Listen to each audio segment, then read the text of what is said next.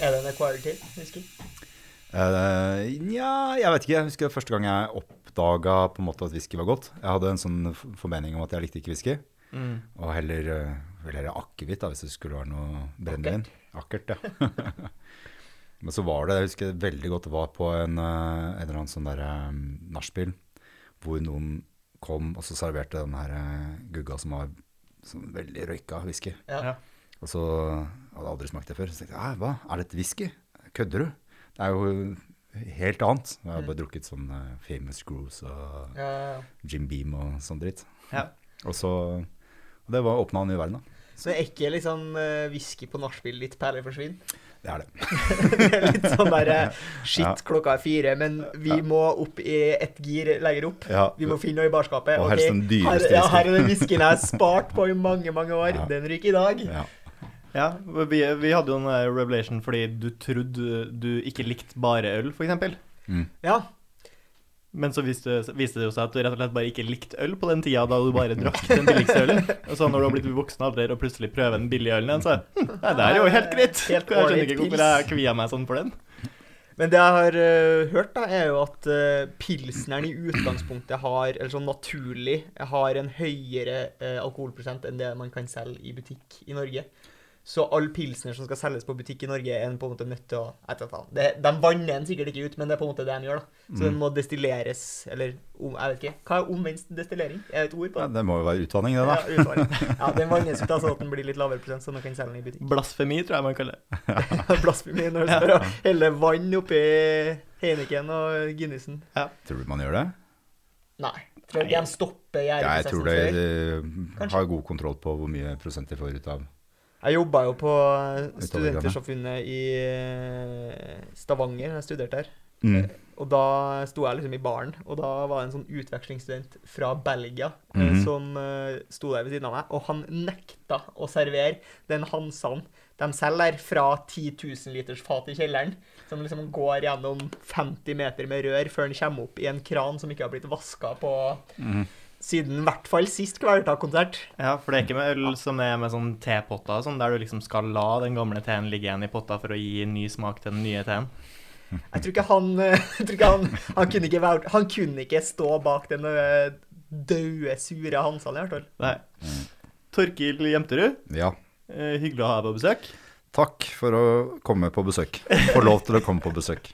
Du er programleder i det naturvitenskapelige radioprogrammet Abelstårn. Ja. Eh, Og så har du også noe fysikkbakgrunn. Eh, Ja. Hva er den fysikkbakgrunnen? Nei, Det er klassisk halvstudert røver-bakgrunn. så det begynte med å studere fysikk og matte på Blindern, og så begynte jeg i studentradio. Og så kom radioen og tok meg. Og Ja. så ble det mer og mer radio, mindre og mindre studier. Og fullførte ikke en drit. Nei, Ingenting. så ingen offisiell grad. Ingen offisiell grad. Nei, men litt peiling og interesse. Ja. Og det er mer enn eh, 99 av eh, andre journalister i Norge. eh, Ja, Innenfor realfag, da. innenfor realfaget. Realfag, Ja. Litt kritikk. Ja. Eh, Hvor, eh, hvordan, hvordan endte du opp i Abelstårn? da? Eh, ja, det var Å, det er en litt lang historie, men vi kan prøve. prøve. Det er fordi at eh, da jeg holdt på først, så var jeg i noe som het Verdt å vite, som var gamle sånn vitenskapsprogrammet på NRK. Veldig ordentlig og eh, sånn veldig ordentlig opplegg. Eh, alle eh, gjestene var gjennomintervjua på forhånd. Eh, alt var liksom på sekundet beregna på manus og sånt. Akkurat sånn her. Akkurat som her. Omtrent som her. Det er ikke sant, der er manus. Skal ikke, skal ikke sløse bort tida til Nei, nei, nei, akademikere men- som hører på. Nei, nei, nei, ikke sant? Og så eh, Samtidig så fortsatte jeg da radioprogram på Radio Nova. Ja. Men det måtte jeg da eh, hadde jeg ikke egentlig lov til Nei. å ha, eh, fordi det er noe kontraktgreier og bla, At du bla, bla. lager det under falskt Ja. navn. Yes. Det er gøy. ja. Så da hadde vi programmet VG-lista Topp 20, eh, som var et program for eh, aggressiv musikk. Lur dem inn. ja, vi, egentlig når vi starta det programmet, skulle vi bare se hvor lenge vi kunne hete det. Da, Ok, før noen ja. reagerte. Det gikk- tok ca. et år, da. Før Ja. vi, eh, mors- Hvem er det som kontakter dere, da? Er Vegard Shortcut Olsen som er på telefonen? Og... Det, det skjedde faktisk da NRK hadde streik, for da tror jeg noen hørte på noen andre stasjoner. Så da ringte Håkon Mosleth fra P3, og så Ja. ringte en eller annen eh, gjøk fra VG også. Ja. Ja. Og de sa "Nei, men Dette går ikke. Ærlig talt, eh, vi har ikke lyst til å gå til sak mot studentradioen. Det Nei. er så eh, dårlig tar seg stil. ikke Nei. Kan ikke dere bare skifte navn? Vi hadde jo fryktelig lyst til å hete Statoil Ja. etter det ble ledig. Ja! Men jeg vet ikke helt hvordan rettighetene men det henger vel igjen nå, sikkert. De betaler vel Jeg regner- sikkert for domene et par tiår framover. Ja, det er veldig bra navn. Statoil. Å, det var bra. men, eh, nei, men uansett, det som skjedde var at eh, da skifter vi navn til å skrive med W og Z. eh, WG-lista. Men uttales helt likt, da. og så Og greia, og der Men da- men var jeg da var under det dekknavn. Var- Ja, da, ja, da hørte vi ikke Da var streiken over. vet du, Det så- var snakket over. og så og Da gikk jeg under navnet Reform 94, da, som Ja, ok. var mitt ekkenavn. Eh, Hva var det så reform for navn, og så eh, 94 etter navnet? et eller annet. Reform 94. Og så øh, Og der tenkte jeg da måtte jeg ha en greie som var motsatt av denne flinkisradioen jeg holdt på med til vanlig. Ja. Eh, og det motsatte vil si at eh, minst mulig for forberedt. Og da var en, en greie at eh, jeg skulle ikke vite noe vi, vi, Altså de andre, noen andre tok med seg et band på, som besøk. Da ville jeg ikke vite hvem de var som kom, og jeg ante ikke hva slags musikk de spilte. Så det liksom starta helt sånn Ja. Ja! hvem er du? Men stiller du ikke litt liksom på samme, på samme premisser som den som lytter, da? Altså, Kanskje det er lettere til og med å være Nettopp. Å representere lytteren? på Fordi en det måte? fungerte veldig bra. Det Ja. ble jo veldig, ofte veldig morsomme og ålreite og intervjuer som var veldig ekteført og sånt. Og det tenkte jeg at da vi skulle legge om og slå sammen og starte denne Ekko da på Petto, så tenkte jeg at det, den følelsen der av de ekte intervjuene, de har jeg lyst til å ta med inn. Og da starta jeg da Abelstårn. Som eh, var litt for å ta imot, ja, gjøre noe med alle disse lytterspørsmålene som kom inn. Men også for å komme ut av studio, og nettopp for å, øhm, for å få til den samtalen. Så, da, så liksom, der hadde jeg et dogme om at jeg ikke ville vite overhodet hva disse kom til å svare i det hele tatt. Nei. Eh, alt skulle være liksom intuitivt og øh, nysgjerrighetsdrevet. Tror du lytteren også liksom være det? At eh, det her har blitt spurt om før? Altså den genuiniteten, tror du lytteren på en måte oppfatter det? Ja, det håper jeg. Ja. jo, men det tror jeg. At det er liksom nysgjerrighetsdrevet, og, og at det ikke er manusbasert. Det ikke er, det er s- For det er jo spørsmål. Mm. ganske mye etter hvert som på en måte har forintervju, har liksom blitt helt vanlig, det. Ja, det er veldig vanlig. Fordi at Lindmo skal Men nå har vi, nå har vi bare- selvfølgelig nå har vi lagt Vi har moderert det, altså det er ikke så dogmatisk lenger, da. Nei. så prater gjerne, i hvert fall hvis jeg ser at det er noen spørsmål som jeg tenker at det her er eh, eh, lett for, eh, særlig hvis jeg skjønner at dette er lett for eh, eksperten å misforstå. Ja. Jeg tenker at her tror jeg egentlig lytteren lurer på noe annet enn det jeg mistenker jeg kommer til å få svar på. Og så har jo kanskje ikke eksperten lyst til å sitte der og ikke kun svare på det en får spørsmål om. Mm. Det er vel lagt opp litt sånn at nå har vi et eh, bra svar her, liksom. Ja, ja. Ja, Så banker vi gjennom det. ja. Men Abelstårn, Ja. hvorfor eh, heter det det? Hvorfor det heter det? Det er fordi at på eh, Blindern så er det mange bygninger som har forskjellige navn eh, etter forskjellige personer.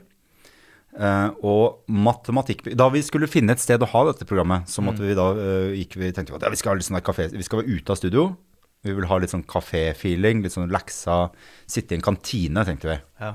Så var vi rundt på forskjellige kantiner på Blindern. Eh, Prøvde dere egne, egen kantine først? Eller hva kantine? Hæ? NRK? Nei, nei, nei. nei, nei, nei, nei. Overhodet ikke.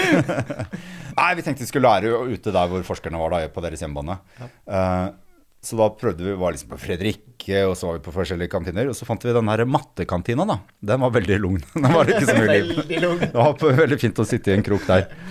Og mattekantina den var jo da i Nils Henriks Abels hus, eh, som da er et høybygg, og da på folkemunne ble kalt for Abels tårn. Så vi rappa navnet, rett og slett, av mattebygget. Ja. Og Nils eh, Abel, Nils Henrik Abel, ja. hva gjorde han? Han var matematiker. Gjorde han noe spesifikt som på en måte har gjort han kjent? Ja, han regnes jo som den største matematikeren i Norge har fostra. Eh, født rundt 1800 og døde da han var 27 år gammel av tab- tuberkulose. Han er i 27 Club, han altså. Ja, Mm. yes. Den mest ukjente i 27. ja. Men han eh, Han er eh, eh, Han er kjent for mange ting, men eh, særlig kjent utad er han for at han beviste at fjerdegradsligninger ikke har en generell løsning. Ok. Mm. Jeg føler Du, husker du, husker du andregradsligninger på Eh, skolen? ja, jeg ikke husker sant? andregradslinjen. Husker du at det var en sånn der formel? Ja. A lik eh, pluss minus B eh, eh, et eller annet. eller annet? Kvadratroten av et eller annet. Ja. Ja, og det kunne man løst på Ja, ja, en det enkel, kan man med en løse, enkel ja. metode. Ja. Ja. Og så hadde man funnet Nei, ja, nå sa jeg litt feil. Og så hadde man funnet, klart å finne en tredje, eh, sånn generell løsning av tredjegradsligninger Ok. og en generell løsning av fjerdegradsligninger. Og så Mhm. hadde man holdt på i et par hundre år da, lurt på men hva med høyere? Mm. Femtegradsligninger og, og så videre og så videre. Og han klarte å bevise at uh, femtegradsligninger har Det går ikke an å finne en generell løsning. Ikke bare at, eh, at han Ja, og, og, og eller høyere.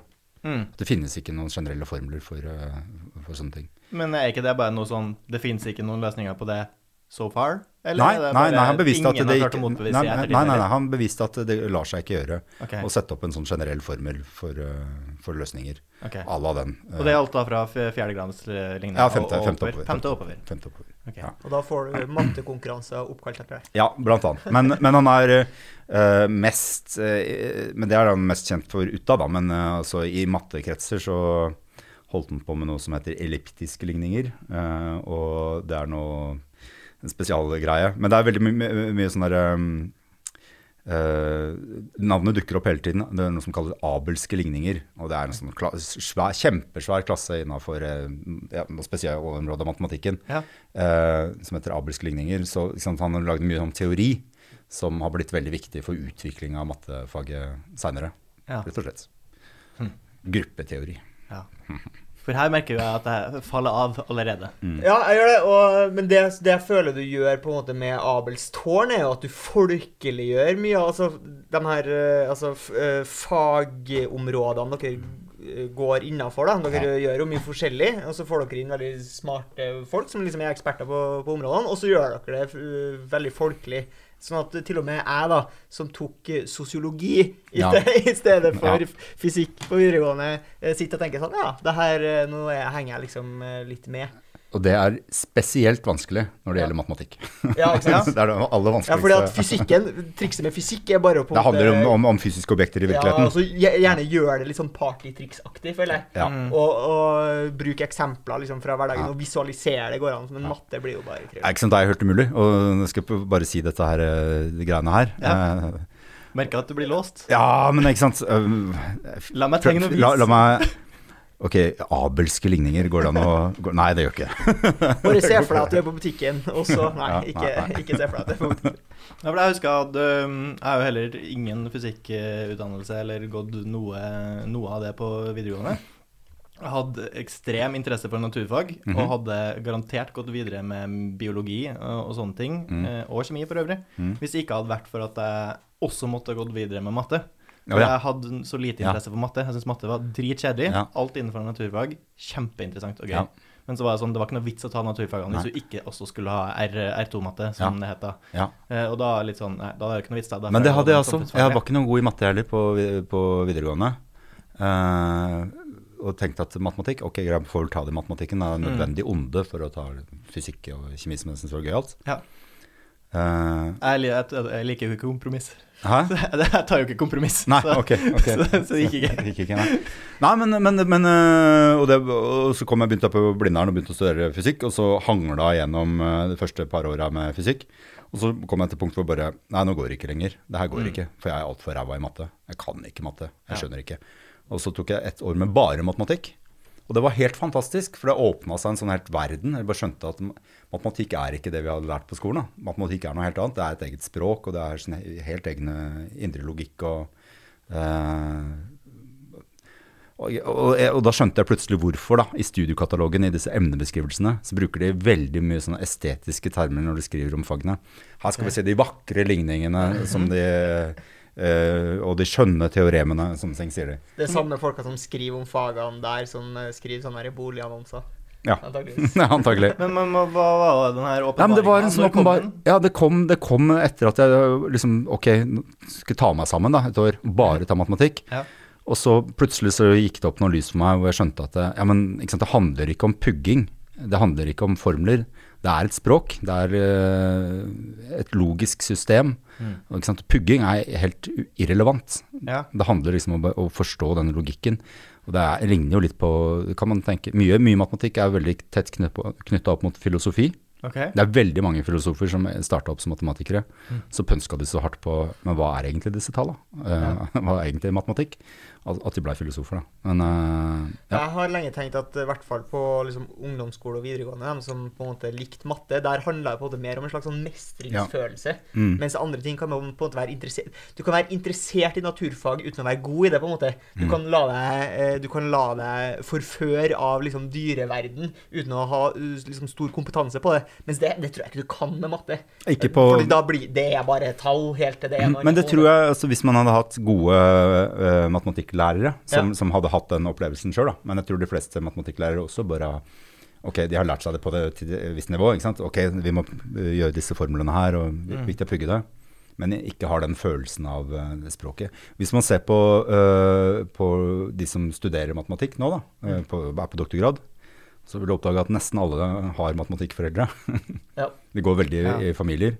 Og det er nok ikke pga. noe genetisk, det er bare fordi at de har det språket innabords når de vokser Ja, opp. og at man på en måte har Og en snakker om helt det på en- annen tilnærming eh, Ja, ja, ja. til- For jeg hadde Sofia Lindqvist en periode, Ja. eh, som jo var min klassekamerat på barneskolen Ja, nettopp, eh, ja. og opp til ungdomsskolen. Eh, hun Da er- nikker han anerkjennende. Ja, for fordi- du vet hvem Sofia Lindqvist er? Ja, Ja, Mm. for hun gikk jo jeg på skole med, som sagt, barneskole, og satt ved siden av hun når jeg satt i matematikken, og det var jo strategisk, Mm. Ja. eh, for hun var jo flink, og Ja. lærte meg egentlig alt. ja. Eh, og det gikk jo veldig fint frem til jeg begynte på ungdomsskole, og da gikk jeg jo ikke med hun lenger, så da Ja. måtte jeg på en måte lære meg matte på nytt. ja. Eh, og så gikk det helt greit på ungdomsskolen, og jeg var relativt flink i det, men så hadde jeg ikke noe interesse, så jeg gjorde bare akkurat det jeg måtte for å få det til, og har aldri fått den her åpenbaringen om at matte er noe annet enn pugg og husk de her formlene. Eh, Så jeg har på en måte aldri hatt noe glede av matematikkfaget. Jeg skulle ønske jeg hadde, for jeg føler at det hadde åpna seg veldig mange muligheter med det. Eh, S- Og Sofia Lindqvist, hun Ja. er da barn av matematikkforeldre. Jeg har Ja. trent på sats Jeg har sammen trent. med faren til Sofia Ja, Ah, ok, Lindqvist. ja. og, og Hyggelig vant Hun vant vel den der, det der Abel-konkurransen, gjorde hun ikke Jepp. det? Jepp. Og så uh, begynte hun på doktorgrad på, i Oxford i latterlig ung alder. Ja, eh, og fullførte den på sånn en måned eller noe. Det er jo sånn absurd. Ja, nei, Hun var jo en av de som satt med videregående-bøker eh, lenge før videregående og sånn. Ja. Hun var flink Mm. tidlig. Eh, I Abels eh, tårn så har du da eh, Altså, du formidler kunnskap. Er det litt sånn Sesam stasjon for voksne, på en måte?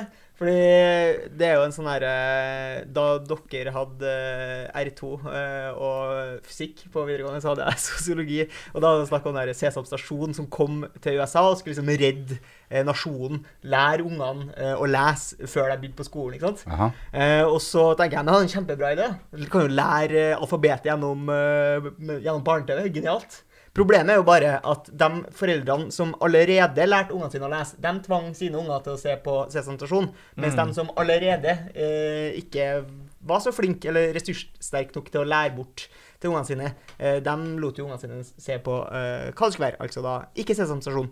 Men er det liksom eh, Hvis programmet ditt, Abels tårn, er tiltenkt å på en måte eh, f- fòre samfunnet med eh, intellektuelt stoff, på en måte. Eller, eller lære hvermannsen da, om på en måte de litt snevra, spissa eh, fagene s- som dere tar opp. Er, har du et inntrykk av at det er hvermannsen som hører på, eller er det de som allerede er interessert, som hører på? Her var det veldig mange premisser i spørsmålet ditt. Tenker For å jo på drive at jeg egentlig bare har lyst til å snakke. Eh, eh, for å svare på første spørsmålet ditt, er, er eh, Husker du alle spørsmålene? Er dere sessamstasjon, var vel det første? Svaret er nei. Ja, ok. Abelstasjonen, ikke sesongsstasjonen. Stryk. Ingen intensjon om å, å lære noe bort i det hele tatt, egentlig. Nei, Nei. ingen intensjon i det? Nei. Ok, da lurer jeg på hva intensjonen er. Intensjonen er å finne ut av ting. Altså, folk eh, lurer på ting, og Ja. så prøver vi å finne svaret på det. Men det, er ikke, ikke, men det ligger ikke noe nødvendigvis noe læring, det er ikke noe sånn voksenopplæring eh, innbakt i det. Det Nei. er bare å finne, finne svara. Skal ikke, NRK skal ikke liksom heve eh, lista på hva den gjengse mannen kan om eh, naturfag. Det er- det er en bra bivirkning, da, hvis det Ja. Mm. skjer. Men eh, det er ikke det som er Så ditt grunntanken. mål er å bare svare den personen som har Jeg syns det er gøy. spørsmålet. Jeg synes det var veldig gøy Ja, å ja. stille disse her spørsmåla. Som, og, og vi eh, som journalister hadde aldri klart å finne på alle de Nei. spørsmåla. Så det er veldig gøy å stille disse spørsmåla, og så er det å, å grave og snoke og finne liksom For jeg blir nysgjerrig sjøl, da, ikke sant, på, på hva de sier. Hva- Du har jo, eh, du har jo litt eh, bakgrunn i det, i og med at du f- tross Mm. alt har vært oppe på Blindern og traska og studert litt eh, fysikk. Mm. Er det vanskelig å på en måte Eller er det noen av de spørsmålene dere får inn der med sånn her Nå må vi passe oss så vi ikke blir arrogant her? I svaret er det sånn Herregud, det er selvfølgelig nei. Ja, ja, ja. ja eh, det er det. Og det ene man kan være veldig arrogant på, er f.eks. forrige uke jeg fikk spørsmål om, eh, om et eller annet eh, teknikk innafor homopati, om den eh, Ja. hadde noe for seg. Og da er det Utsatte veldig, grupper. ja, veldig fort gjort å, å le av, Ja. av spørsmålsstilleren og sånt, men vi prøvde i hvert fall å svare på en litt sånn ålreit måte, da. Liksom ta Ja. spørsmålet på alvor. Eh, Og så er det jo i hvert fall bra at de spør. Ja, Altså, du, det er jo ja, så man skal prøve å ikke skremme folk fra å spørre, da. ja, ja. Eh, og, og, men noen av de liksom beste spørsmålene er, liksom, er jo de tilsynelatende mest naive. Ja. Ja. Eh, hvorfor er vann vått, for eksempel? Mm. Ja, det var g- g- Litt sånn jækla bra spørsmål. barneaktig naivitet i spørsmålet. Ja, ja. Ja. Eh, Hvorfor er vann vått? ja. Jo, det Det er fordi vannmolekylet, H2O, eh, er eh, sånn derre Hva heter det? Bipolar? Det heter Løst. ikke bipolar, men det heter eh, eh, dipol. Eh, Ja. Så den har eh, en eh, hver sin side som fester seg veldig lett på ene sida Ok. til ting, men så slipper den ganske lett på andre sida. ok. Så den eh, på en måte er i den mellomstadiet at det både fester seg lett til ting Ja. og- En slags og- magnet? ja, og, og, og, så det, de sitter veldig godt sammen, og så fester de seg lett til eh, inne, inne i klær og sånt, mye lettere enn enn mange andre væsker, da. Ja. Ja. Eh, så det var noe sånt, jeg klarer ikke helt igjen i det, Nei, nei, men, nei, men det var, men, veldig, det eh, var, det var eh, noe utrolig fascinerende i det svaret. Ja. Husk, husker jeg da, men jeg husker ikke detaljene. Nei, Jeg husker altfor lite detaljer. ja, ja. Men eh, NRK er jo veldig sånn her eh, Når, man, når de er- skal liksom lage programmer, da, Mm. så er de veldig interessert i å finne ut sånn eh, Hvem er kjernelytteren vår? Mhm, mhm. Har du noen formening om hvem er, liksom, hvem er det som sitter og hører på Abelstårn? Hvem er din eh, Nei. Har du en Randi 52, liksom, som du Nei, targeter? eh, nei, ikke det. Vi slapp heldigvis å ha, ha noen sånn runde når vi skulle lage det. Bare lagde det, liksom. Ja, Og, eh, eh, og så, men så så lurte vi selvfølgelig, da. Ikke sant? Hvem var det som hørte på dette her? Og, eh, og tenkte vel kanskje, hadde vel en sånn formening om at det er sikkert litt sånn derre eh, akademikerhuer, samme som ser på Schrødingers katt, kanskje, ikke sant. Og hvem nå det er, da. Men man har en forestilling. Eh, men så så vi liksom på spørsmåla som kom inn, og så så vi f- f- første liksom observasjon, det var at eh, veldig mange håndverkere ja. Jeg er lei av å høre samme sangen he hele dagen. Ja, ikke sant. Folk som hører mye på radio mens de jobber manuelt. Mm. Ikke sant? Eh, Med sånne headset på, på øret og sånt. Det var ganske mange som, eh, av lytterne. Og så har vi også sett at det er jo veldig stor aldersspredning. Eh, eh, en kar eh, nå som har sendt inn spørsmål et par ganger, han er eh, nesten 100 nå. Så ikke sant, Han har stilt noen spørsmål han har lurt på siden krigens dager. Ja, riktig. Så det var jo fint å kunne svare på. Ja. Og så fikk vi også et spørsmål om forrige uke fra en fyr som eh, var tolv år. Han sa at det er den eneste podkasten jeg hører på. Ja, kult. Så god spredning. Diversitet. Ja. Men eh, dere er vel på podkast også nå? Er det, merker du, eller tar du hensyn til det? Eller lager du, eh, som jeg er gammel radiomann, lager radio for å lage radio, liksom? ja, vi lager bare råd på akkurat samme måte. Ja. Ikke noe hensyn til det egentlig, men, eh, men jeg tror at de som er mest dedikerte lyttere, er podkastlytterne. Mm. Det er jo de vi får. Ja, for den ligner jo, altså i form, radioprogrammet i form ligner jo ganske mye på en, hvordan man lager en podkast, på en måte. Det, nei, Og hvordan lager man en podkast? det har ikke så mye musikk, og det er gjerne ikke delt opp i sånne treminutters bolker. Altså det, det, det, det, det er et lengre innhold, da. Mm. Um, det er i hvert fall- det er i hvert fall det som slo meg. Mm. Jeg har begynt å høre litt. Men sånn er jeg kanskje med en del av dem eh, P2. Ja, sånn er det med mye PTO-programmer. ja. mm. Da jeg inviterte deg hit i dag, så sa jeg at eh, vi ønska oss litt voksenopplæring i fysikk. Ja. Fordi jeg og Torgrim i utgangspunktet er relativt blank eh, på fysikksida. Mm. Eh, jeg regner med begge har hørt om eh, begrepet fysiske lover. Mm. Eh, gravitasjon. Graviditet. Graviditet har vi hørt om. Mm. og så eh, kan vel begge si eh, er jeg lik MC andre uten å gå så veldig mye videre på det. Mm. Vet at det er relativitetsteorien. Mm. Ehm, hva, hva kan du fortelle oss hvis du skulle ha begynt eh, kurset fysikk 101 her og nå? Hva, hva er det man, man Folk som ikke kan noen ting, hva er det vi bør ha oversikt over? Ja, sånn generelt over eh, fysikken i det hele tatt? Ja? Mm, ja, da kan man tenke at fysikken starter med bevegelse. Ja? Eh, og hvis vi starter hos de gamle grekerne, det gjør man jo som regel, Det er jo ofte det. mm. så, så første fysikkteori som sådan var, eh, altså det var eh, Aristoteles som hadde sin bevegelseslære. Og hans lære var da eh, at, eh, eh, at vi hadde fire elementer.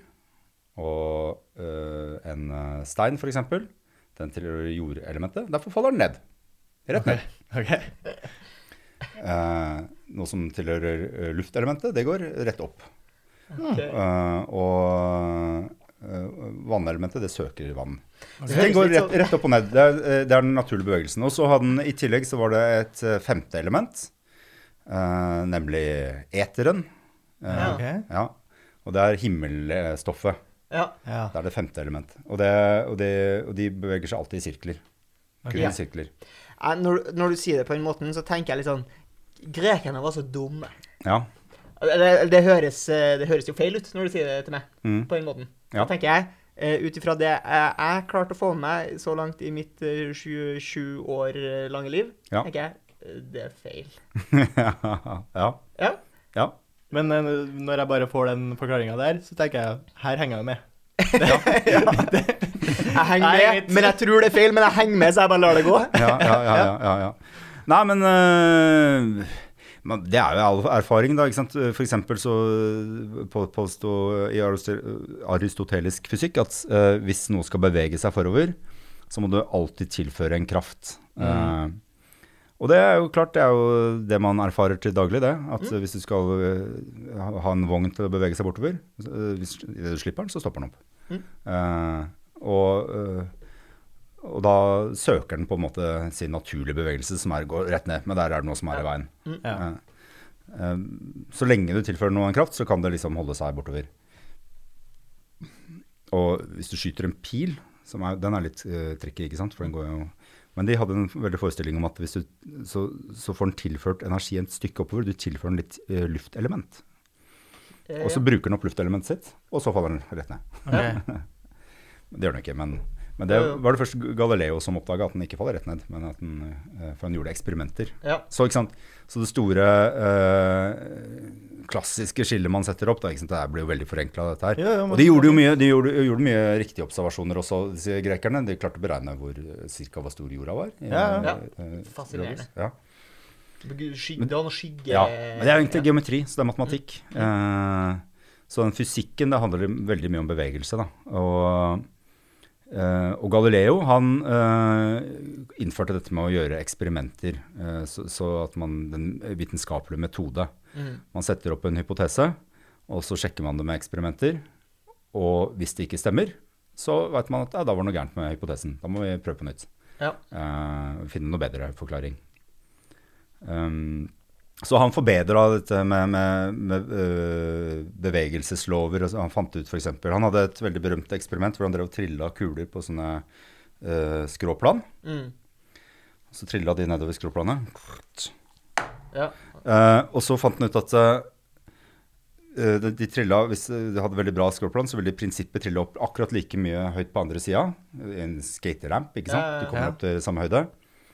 Og hvis du da senker den her eh, andre skråplanet på, på motsatt side, og bare lar den slakere, så vil den kula da trille lenger, men nå samme høyde. Og så, så øh, prøvde han å ta enda svakere og svakere helling. Og så øh, ekstrapolerte han dette her, da. Sånn at i prinsippet, hvis du triller nedover det sk- første skråplanet, og lar den andre skråplanet ligge helt ned på bakken, så skal skal ku- kula bare fortsette i all evighet å trille. Og, og det er det som er kjent som Newtons fr- første lov, da. Mm. Eh, s- Så det var eh, en, en oppdagelse han gjorde. Og så kom Newton, og det var pga. ny matematikk som var oppfunnet. Men, men prøvde her å si at det var Galileo som fant opp Newtons første lov? Ja, det var babylonerne 4000 år før eh, Pythagoras som fant opp Pythagoras setning. Er ikke det litt bittert for dem som faktisk For Galileo, for eksempel? At han ikke navnet Nei, han har fått så mye eh, Ok. kred for andre ting, så det går jo bra. Jeg tror for øvrig det kurset her heter Fysikk med snus 101. Men det er litt sånn her eh, shoulder of eh, Standing on the shoulders of giants, da. Hele veien. At det- det, det bygger liksom på eh, Det er fort gjort å si at det som har vært før, eh, eller det man har tenkt før, har vært så dumt, men det er jo alt er på en måte bygd på det, da. Mm. Så eh, derf- Altså, hvor eh, Så, ok, altså, og fysikken handler egentlig veldig mye om hvordan, hvordan og hvorfor ting beveger seg, og hva er ting laga av. Eh, Det er jo det andre greiene, ikke sant, med eh, atomteori og, og seinere eh, partikkelfysikk og kvanteteori og, og så videre. Mm. Så det er den andre hovedgrenen. Men eh, hvor, hvor går vi videre? da? Nå har vi Newtons første lov. eh, Noe triller, og når de får null motstand over hodet, så vil det trille i all evighet. Ja. Men sånn er det jo ikke. Nei. Nei. Eh, og så kommer Newton, og han eh, gjør flere fantastiske ting. Ja. Han eh, fullfører denne Han lager jo et greit NRK-program, for eksempel. Sånn Ja, det gjorde han. Veldig bra. Forut for sin tid. Eh, nei, men han hadde liksom tre bevegelseslover, og med det så kunne han liksom beskrive alle alle- alle mulige bevegelser på, på Hvis du skyter en kanonkule, så kan du beregne banen helt riktig, da. Hmm. Eh, og en del sånne ting. Og så og så hadde han gravitasjons, eh, sin gravitasjonsteori. Mm. Eh, og- men, og det, det viktige der er at Newton han fant jo ikke ut at ting faller til bakken. At et eple faller til bakken. Ok. Så han oppfant ikke gravitasjonen som sådan. Nei. Det Altså- liker jeg. Det er jo folk elsker jo i hvert fall å arrestere folk når de sier det. Han oppfant gravitasjonen. Nei, den var der jo på alltid. Ja, ja. Men det er ikke det som er poenget! Nei, ikke sant? Og så var det det at eh, eh, pro- eh, Det han oppdaga, det var den universelle gravitasjonskraften. At det var den samme kraften som holdt månen på plass, Ja. som eh, fikk eplet til å falle. ja. Eh, og det var liksom det st- store der, da. Og så har- lagde han en formel for hvordan dette her oppførte seg. Ja. kunne m- beskrive det matematisk. Fordi han hadde funnet opp en helt ny gren av matematikken. OK. Eh, Og, og, det, og der er det Hva fant han ut, da? Fant han bare ut at alt som har masse, har eh, gravitasjonskraft? eh, ja, det kan Ja. man si. Det kan man si at det var vel det han eh, ja, og, Men da og også det eh, impliserer det at, at eh, månen også er laga av samme Det er ikke eh, laget av himmelstoff, det er ikke laget av femte element. Nei, nettopp, fordi Ja. det kunne han jo vært på den tida, det visste man jo ikke noe om. Ja. Ja, eh, F.eks. Uh, Galileo, som er kjent for også å, å påstå at jorda går rundt eh, sola. Eh, øh, han mente at eh, alle planeter måtte gå i sirkler fortsatt, sånn som grekerne hadde ment. Ja. Ja. Og det var enkelte grekere som mente at sola var i midten. Arkimedes. Arki eh, nei, eh, jo, kanskje han også, men pythagoreerne i hvert fall. OK. Ja, så det var liksom litt omdiskutert. Men han, eh, men han hadde ikke noe forståelse av hvorfor, hvorfor eh, holdt de seg på plass, disse her eh, planetene. Ante ikke. Nei. Tenkte litt at det var som at, den- at de var rulla inn som sånne kuler, så fikk de en viss fart, og så fortsatte de OK. i sirkler, for det var naturlig for himmelting å gjøre. Hmm. M- Mens, eh, ja, mens eh, Newton er kobla av himmelen og disse tinga mer tettere sammen. Da. Ja. Og så, hvor går vi videre derfra? Nå har vi gravitasjon. Ja. Det er, og det er jo den, det er en ganske univer... Altså, eh, sånn som jeg forstår det, en universell fysisk lov der man stort sett eh, Det er i hvert fall en teknikk som virker. Sant? Det er ingen som har klart å motbevise den ennå. Den Mm. funker til stor, så å si alt, og nesten alt er, er med på den, bortsett fra når man kommer til sånn helt abs eh, absurd eh, fysikk som jeg i hvert fall ikke forstår. Eh, Når man begynner å nevne ting som Ja, nei, den bryr seg ikke om masse engang, den har ikke noe masse, og sånne ting. Ja, Da lys, faller jeg jo helt av. Eh, lys har ikke masse, for eksempel. Men eh, Ingenting. nei, ingenting. Ikke fotoner har null masse. Null masse. Null masse. Hmm. Men de blir bøyd i gravitasjonsfelt. Og hvorfor gjør de det? Jo, det er på grunn av Da Ja. må vi Einstein til. Men det, det, dit har vi ikke kommet. La oss øh, ta den historiske greia. Da er det Hva hva skal vi si da?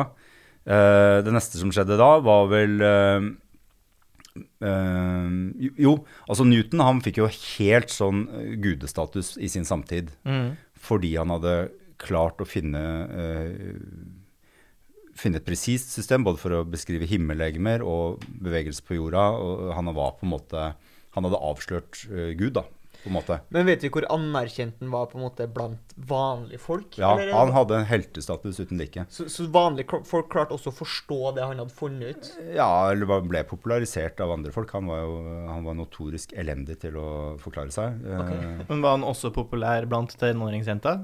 eh, det tviler jeg sterkt på.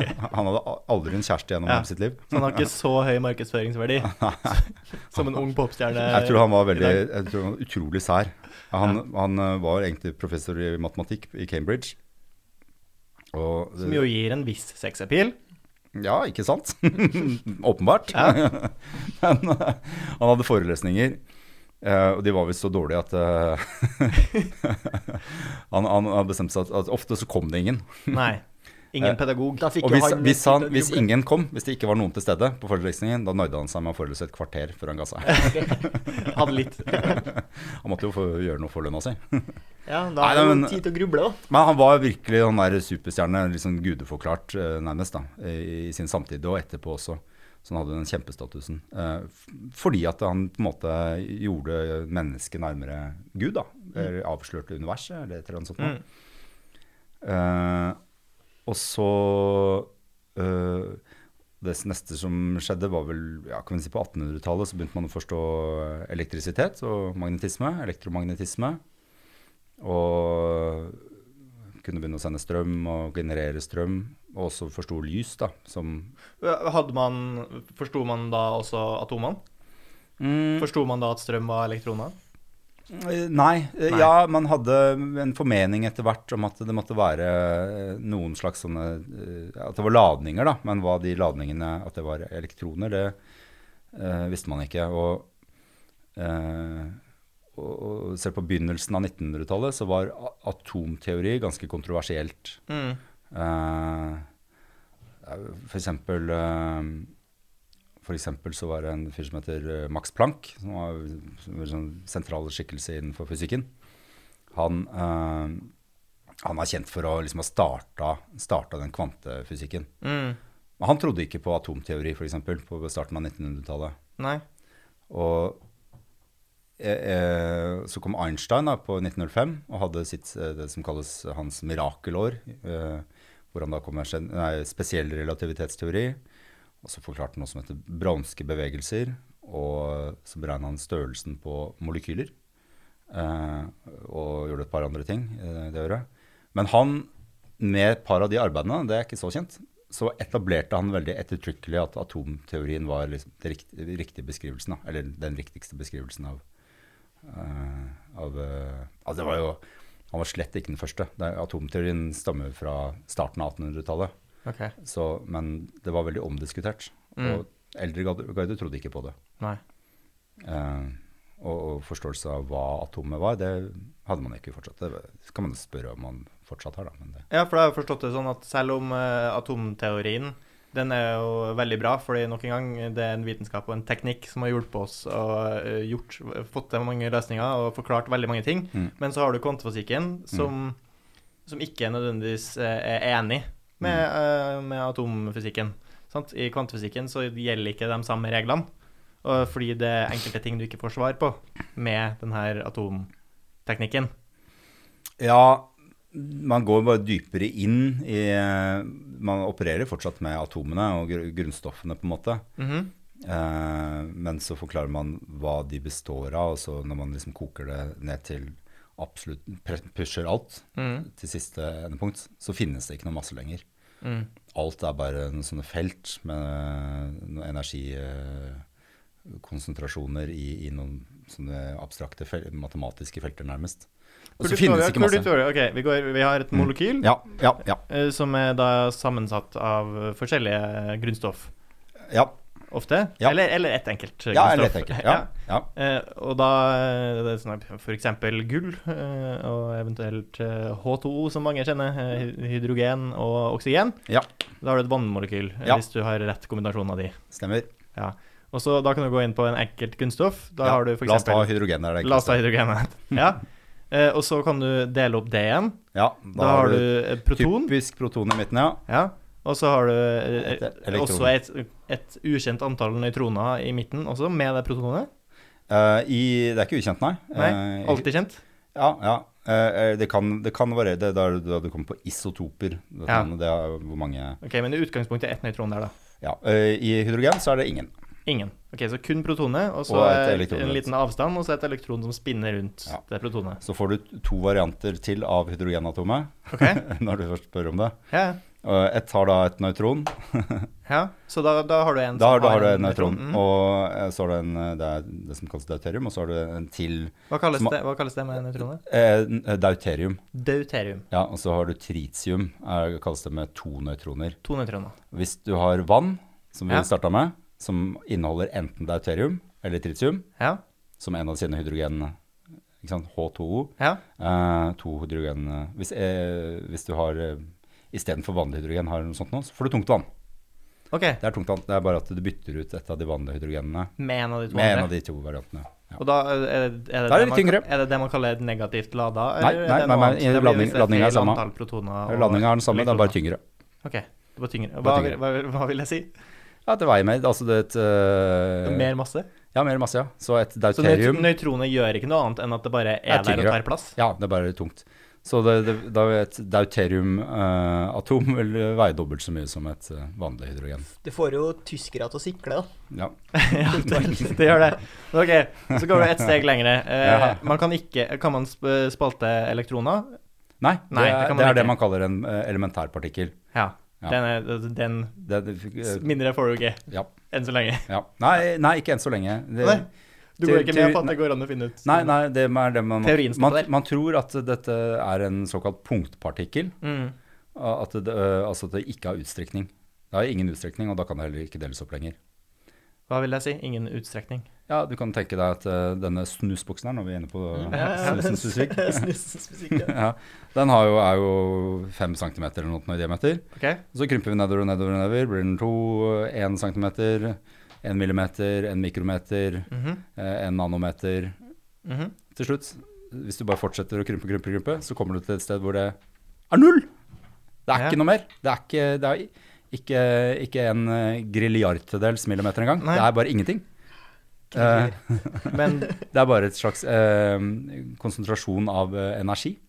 Og så selve, selve Men det er ikke noe masse i midten. Det er ikke noe Nei. Nei, og, Men det er- der vil, du, det er- det er der tungt. vil du fortsatt få plass til et elektron? Elektronene er, er, er egentlig bare det feltet rundt dette punktet. Aha. Um, uh, så- Men hva Så et elektron har ikke masse? Jo, jo, elektronen Ja, har masse. ja. det har Elektronen har masse. Ja. Men Jo da, det har masse. Det har masse! Det har masse. Har det masse? Det har masse, men det, det er den energien som på en måte utgjør massen. Ja. Eh, og, og, og den går er liksom gradvis utover, da. Mm. Eh, men det er sentrert, denne energien er sentrert rundt et punkt i rommet. Mm. Eh, og den har ikke noe utstrekning. Så det finnes liksom ikke noe inni der. Og det er jo veldig Nå ikke sant, begynner det å koke. Ja, det, det, er jo- det er jo litt Ja. abstrakt, da. Ja. Eh, Så det er jo litt vanskelig. Eller det er jo overhodet ikke abstrakt, men for meg er det abstrakt. Ja. Men ok, da hopper vi over til protonet. Ja. Det kan man spalte. Ja. Og så får man kvark. Ja. Hva er kvark? Ja, det, er eh, en, det tror man er en elementærpartikkel. Ok. Som igjen er en sånn der eh, punktpartikler som er inni der. Ja. eh, som er veldig eh, og, det er- og de kommer i, i noen forskjellige varianter, og så eh, er det, bygges de opp. Men de, de kan ikke finne, finnes løsrevet fra, eh, fra hverandre. Du kan ikke få eh, enkeltkvarker Du kan ikke få kvark alene. Kvark kommer alltid i gruppa. ja, og da blir de til enten Litt som hooligans. ja, Og da blir de til enten eh, proton eller nøytron. eh, Ja. Ja. Bunn- ja. Og hva, og hva, men hva k- med den her kunnskapen om at Mm. ting blir mindre og mindre, og så kan Ja. man spolte det, og så stopper det? Ja, hva, hva- det stopper. Hva, hva kan man gjøre med det?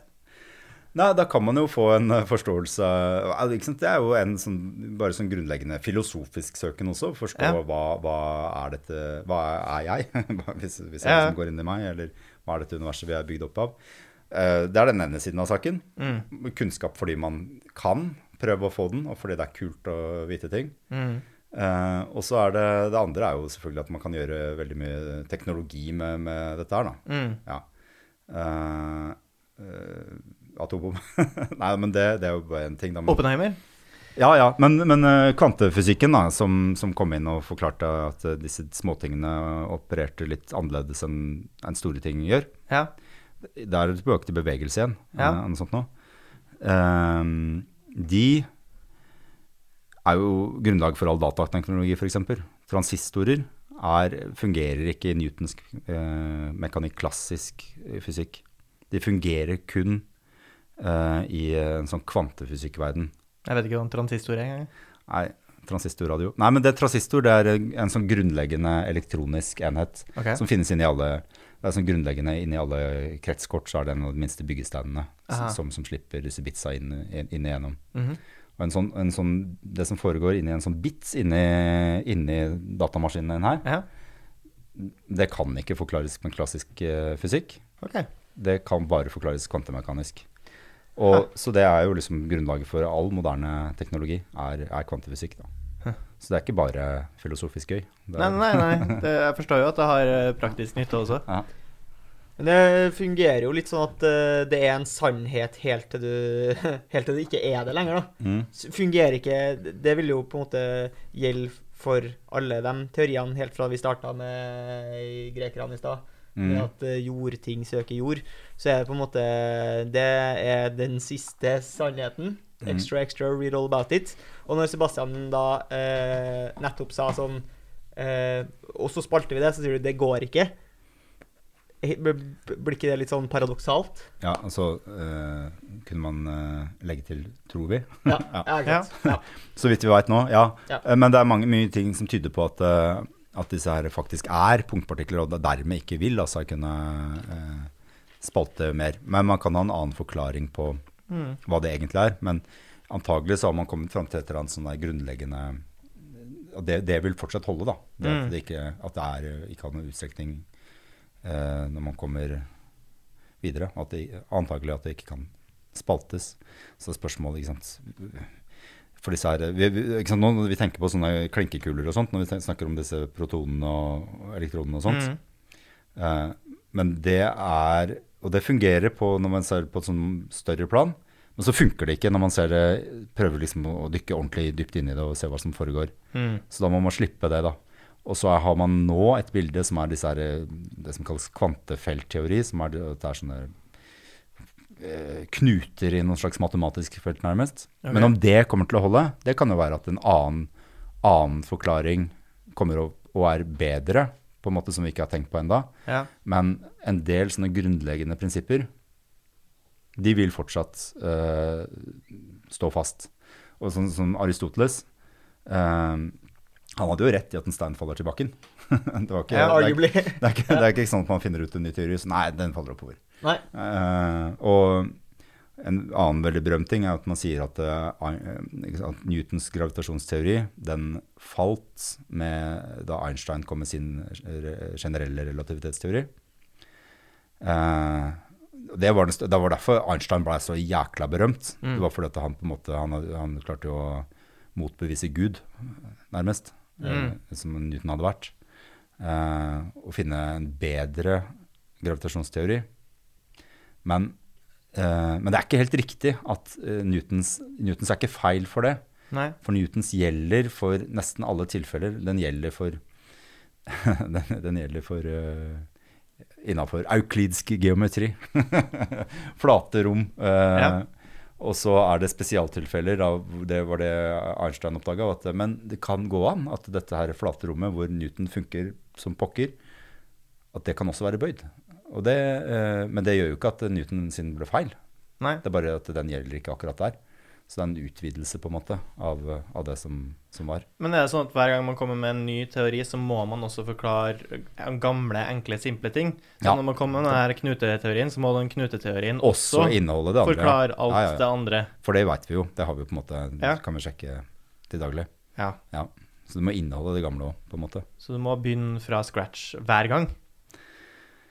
Eh, nei, hva mener du? Nei, altså som sagt, Hvis man kommer, med en ny, man kommer til et problem som eh, f.eks. Einstein øh, følte han sikkert øh, gjorde når han hadde newtonske, newtonske lover å forholde seg til, Mm. og så var det sånn Ja, men de forklarer jo ikke det her. Mm. Så da må jeg finne noe som kanskje klarer å forklare det her. Ja. Så fant jeg noe som k- kanskje klarte å forklare det her, men så Ja. må jeg også sjekke om det forklarer alt det Ja. gamle. Ja. Som den også Ja, ja, ja. Det må, det må fungere. Ja, absolutt. At det var et av problemene når han skulle sette opp sin matematikk. mm, Så, var- eller problem, det var et slags ramme, da. At eh, den visste at den matematikken den måtte også forklare de newtonske, vanlige, klassiske newtonske tilfellene. mm. Eh, hvis ikke så ville det vært feil. Hva, hva er de problemene eh, fysikere møter på i dag? Eh, Altså, hva, hva er man sliter med med de nye teoriene? Hva, hva er man prøver å forklare som man ikke, som man ikke har forklart ennå? ja, det ene store verkende byllen som er i fysikken, Ja. Eller det er to, det er to store verkenbøller. Men den ene av dem, det er at eh, ikke sant, de to store hendelsene i, nitt- på 1900 fra et søk. I Sier alle du det, dager. Bare fortsett. Ja. Da er vi ikke litt eh, Huawei jeg skal bare si ifra at eh, jeg er her. Ok. Nei, men ehm, Jo, det var det at eh, de, de, de to store oppdagelsene, det var eh, kvantefysikken Ja. og, eh, og eh, Einsteins relativitetsteori. Mm. Og begge de to kom for ca. 100 år siden nå, ikke sant? på begynnelsen av, eh, av 1900-tallet, 19, rundt 1920. Eh, og etter det så har man liksom testa og testa og testa disse her eh, teoriene, og alt stemmer så i- Alle de, de, de forutsier ting så utrolig bra. ja. Men så veit man også at de henger ikke i hop. De går ikke an å kombinere. Og det er visse sånne ekstreme tilfeller i universet hvor man eh, skjønner at det oppstår problemer. Og Det er typisk er inni sorte hull. ja. For der eh, er det så sterk eh, gravitasjon. Altså Einsteins eh, eh, relativitetsteori den gjelder for enten for eh, veldig høye hastigheter, ting som går veldig fort, Mhm. eller for ting som veier mye. Så da har vi generell relativitetsteori, som, er, sånn- Mhm. som er, handler om det er en grav, Generell relativitetsteori er en gravitasjonsteori Mhm. som forklarer hvorfor sola, jorda går i bane rundt sola osv. Det er relativitetsteorien. Ja, ja, Ok, det er den generelle. ok. Den generelle. Den generelle. Den generelle.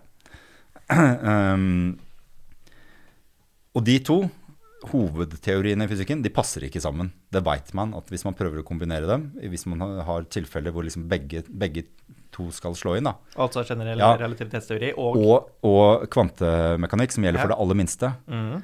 eh, Som regel så er det helt fint, for at eh, det aller minste det klarer seg fint, og så bryr det seg ikke om gravitasjon i det hele tatt. Mhm. Eh, og hva som skjer med hele s- hvordan eh, sola, jorda går i bane rundt sola. Ja. Ingenting å si med hva som foregår inni i midten av et atom. Ok. Det er to helt forskjellige verdener, på en måte. Men, der, men, Men der, så finnes det områder da, hvor disse her to møter hverandre, ja. hvor man liksom må bruke, ta hensyn til begge teorier. Og det, er- de snakker ikke sammen i det hele tatt. ok. Så man veit at enten er begge feil, Mhm. eller så er en av dem feil. Og, Ja. og, og da, da krangler de, ikke sant. Da er det Ok. re- relativistene, de, de, eller relativitetsteoretikerne, de mener jo at eh, de har rett. At kvantefysikken de må, den må vike, de, Mm. den må tilpasse seg. Mens kvantefysikerne sier at nei, nei, nei, det må være et eller annet gærent med relativitetsteorien, så den må vike. Ok, men, men hvilken av de her kom sist? De kom, det ble utvikla helt samtidig. Så å si samtidig. Ja, s- ja, ja. Men- Og begge sliter med at ingen av de to klarer å forklare det den andre forklarer. ja, ja. Så de det, og, og, Så i så alle motsetning til fysikere Einstein, alle, som klarte å bevise også det som Newton har klart å forklare, men også litt til, så klarer ingen av de Men her. Einstein var også med å sette i gang kvante, Karl Andre. Han var den- også den som satte i gang kvantefysikken. eh, Men Ja. så tok han ble han mer og mer tvilsom til hvordan den utvikla seg. Da. Hmm. Så han trodde ikke på det etter hvert. Men Nei. det var jo som mulig bare fordi han ble gammel. Mm. og, og gamle folk de henger ikke med på de nye teoriene. Sånn er det alltid. Sånn er det alltid. Men, eh, men eh, eh, uansett, så, så, så, så det er det ene verkebilden. da. At man veit veldig godt at, de, at det er noe feil her. Begge, Ja. De to er ikke riktig. Ent, enten så er begge feil, eller så er eh, eh, Eller så må man finne en eller annen bru som ingen har klart å tenke på. Det er, og det foreslås det kommer liksom bøttevis med forslag hvert år, da. Men ingen klarer å finne noe som klarer å man kan- Hvilken av de er det mest skremmende at eventuelt er feil? Eh, ja, jeg, er jo, jeg er jo på Einstein. Du er bare slem. ja. Eh, ja, jeg tror det, da. Men det er, Så, så det, du det er, min- det så du min er personlige mest redd tro. for at generell relativitetsteori er feil? Det Eh, er du mest redd for? Ja. Ja. Føler du at hvis eh, på en måte bountyen hadde vært høyere på å finne eh, eh, løsning på problemet, så hadde den blitt løst? Nei. Nei, nei, nei, nei. Hvis noen hadde klart å løse dette, det er jo, gir jo nobelpris og Ja, ja. f- høyeste berømmelse med en gang, så det er jo det våteste dømmet til alle Så fysikere. problemet er bare hvis det er noen som på en måte ikke er interessert i eh, Altså den personen som på en måte har kapasitet til å løse problemet, er mest interessert i å spille GTA i kjelleren til mor si. Det er det som er problemet. ja. ja, men, eh, men det, men det andre, andre store problemet, da. Ja. Andre verkebilde. ja, Gjerne dra mikken litt nærmere. ja det, er, eh, det er selve universet. Ja. Eh, for der har man eh, på en måte funnet ut eh, at eh, at den, det vi ser, og stjerner og soler og mm, eh, planeter og alt sånt, eh, Mm. og, og også lys og par- støv og alt, Mm. det kan ikke utgjøre hele, så der mangler vi, eh, mangler vi veldig mye, altså det kan bare utgjøre 5 av universet eller noe, ja. eh, av energien i universet, 25 cirka er, eh, er det som heter mørk materie. Det aner man ikke hva er. Mhm. Og så har du enda 70 som er mørk energi, som er noe annet igjen. Ok. Eh, og det aner man i hvert fall ikke hva er. Nei. Eh, og, det er jo, det, og det er jo et åpenbart kjempeproblem. Ja, at eh, 70 vet man ikke. Ja. Ellers kan det bare være det at eh, observasjonene våre er helt feil. At Ja. det er et eller annet grunnleggende gærent vi misforstår med hvordan vi observerer universet vårt på. Mhm. Eh, s- så her er det helt åpenbart at vi er helt på bærtur da, når Ja. det gjelder å forstå universet. Eh, og det, er- det er et problem. Og- Men det, her- henger hva- kanskje, det, henger, kan- det kan henge sammen, Men faktisk. hva med det er, andre. ut, hva er utgangspunktet her, da? Her er utgangspunktet at man har prøvd å regne seg fram til hvor mye masse det er i universet, eller hvor mye energi. Hvor mye energi det er i universet. Ja. Det har man prøvd å regne seg fram til, Ja. og der tror man man har en grei koll på. Ja, Det er to forskjellige ting. Det ene er at man har eh, prøvd å beregne man, det med mørk energi. Det har man sett på da har man, eh, ene tingen er hvor fort eh, galakser roterer osv. Mhm. Og så kan man, mener man man kan gjøre sånn statistisk analyse da, av det, det lyset man ser, og, og, og få en overslag over hvor mye masse som er der. Mhm. Og så bare finnes det helt sinnssykt mer med masse som bare Hvor er den? Man kan ikke se den. Det er man helt sikker på at man ikke kan se. Eh, og så er det tru- også, og og det så er det tror også noe man med man ser pga. gravitasjon. Ja, Så på på grunn, grunn på av grunn av gravitasjon, ja. generell, så på grunn Ja, av generell eh, relativitetsteori, Ja, så som tror man, man ikke er helt sikker på om er rett, Ja. kan være feil, Ja. så antar man at Jep. eh, det, er- den drar på de her Ja. galaksene, så derfor må det være masse er der helt som riktig. drar på de. Så det er et, et- et stort forskningsfelt er, eh, Ja. er modifisert eh, gravi- eh, relativitetsteori, hvor man prøver liksom å finne svaret der. da. Ja. At, eh, altså, eh, disse kvantefysikerne og partikkelfysikerne de prøver, å- de leiter etter, etter partikler, eh, Ja. som er disse her mørke eh, materiene, Mhm. eh, og prøver å finne dem på CERN eller eh, på annet Ja. vis. Og så klarer de ikke å finne det. Eh, har ikke, nei, de har holdt på i årevis. a- a- Er like, på, like blanke, ikke sant? Ja. Men så har du en del som tenker at ah, det må være noe gærent. Kanskje det er eh, eh, gravitasjonsmodellen vår da, som er feil. Mhm. Så de leter i liksom i teorien i modellene og prøver å komme opp med andre modeller. Eh, og så har vi det som er eh, mørk energi. Det er det at eh, eh, Ja, først, så, først eh, tilbake da Einstein kom med sin teori, så hadde man et veldig sånn enkelt bilde av universet.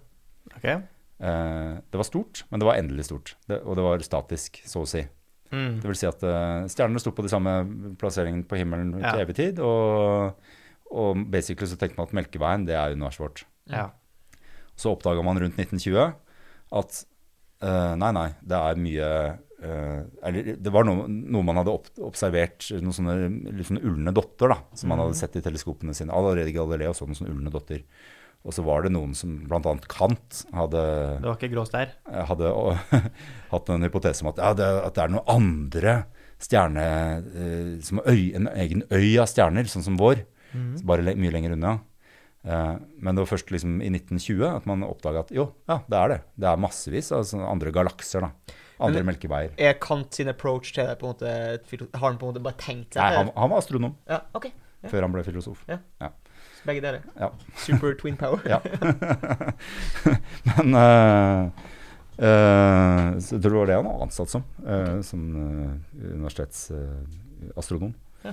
Men eh, eh, Men hva, hva skal vi si? At eh, og så begynte man å se på disse her eh, galaksene, og så gjo- gjorde man den merkelige oppdagelsen at eh, Men hva i alle dager? Alle, alle disse her beveger seg bort fra oss. Mhm. Eh, allting er på vei vekk fra hverandre. Og så klarte man da å eh, oppdage at jo lenger ting unna var, jo fortere gikk det unna oss. Mm. Og da tenkte man at, eh, og da kom ideen om Big Bang, da, at eh, alt hadde starta med en svær eksplosjon. Mm. Og da, så tenkte man at ok, greit, hvis det gjorde det, Big Bang, da må det være tre mulige forklaringer på universet. Mm. Enten så eh, vil det være som når jeg kaster denne snusbuksen min eh, opp i lufta, Ja. og den går opp til en viss høyde, Ja. boom, så faller den ned igjen. Ja. Ja. Eh, og, og sånn vil det skje med universet. Ikke sant? Opp, eh, som en eh, blåser opp en ballong, og så trekker seg sammen igjen. ja, for, for det, Til Big Crunch. det, det er mitt bilde av universet. Ja. Det, det er sånn jeg tror Ja, det var, Det det er var, det var sånn det, det var- det var eh, inntil eh, for 20 30 år siden, 20 år siden, Ok? så var det det vanligste bildet. Det var det man trodde, at det var utviklinga av et universet. Ja, for jeg ser for meg at nå er vi i altså, eksplosjonsfasen. Ja. Vi driver og eksploderer fra hverandre. Mm. Og sprer seg ut i hytt og pinne. Alt det tre- trekker fra hverandre ut i det uendelige rom. Mm. Men på et eller annet tidspunkt så vil på en måte eh, den akselerasjonen deakselerere pga. Mer- gravitasjonen. Bremse sant? mer og mer opp. Ikke Bremse sant? mer og mer opp, og så vil det Å, sakte faller igjen. krønsje sammen igjen. Sant? På grunn av gravitasjonen vil dra, og massen vil dra seg sammen igjen. Ja. Og så treffer det hverandre på midten, og Ja, så, så- sprenger det igjen. Og ja. så pulserer det sånn, Ja. som en lunge. Ikke sant. Hva er, det som, hva er det som ikke stemmer med det? Eh, ja, altså bare for å ta de to to andre løsningene, det handla bare om at, eh, at eh, hastigheten var så stor at det, til slutt- at det utvider seg all evighet, men saktere og saktere og saktere. og saktere og saktere. Ja. Ja, eh, basically er det de to, to løsningene. Men så oppdaga man i 1999 at eh, to uavhengige team oppdaga da at eh, nei, det ser ut som om denne her eh, u- u- akselerasjonen går raskere og raskere. Sånn at det, vi, at det, at det liksom er som en eksplosjon som stadig eksploderer mer og mer. Ja. Så, så jo, liksom, jo lenger tid det går, jo fortere går ting vekk fra hverandre. Ja. Og det er jo helt eh, kontraintuitivt. Det er helt stikk motsatt. ikke sant? Det er som om jeg skulle kaste den her eh, snusboksen opp, og så går det litt tid, og så går den fortere og fortere, og fortere, og fortere. Ja. Så stikker det av mer og mer. Og- Kanskje du ikke kaster den, kanskje du slipper den. Og da, og da tenker man at ok, det må være en eller annen kraft da, som driver og dytter på allting, dytter allting vekk fra hverandre. Mm. Og det er det man kaller for mørk energi. Aner ikke hva det er, har ikke peiling. Men det finnes et eller annet som driver og dytter til allting fra hverandre. ja. Eh, For det krasjer også med eh, Altså, hvis det er sånn, ja. så krasjer det også med mitt logiske, filosofiske bilde på, på det. Fordi da, da føler jeg at Å ja, men da er universet plutselig lineært igjen.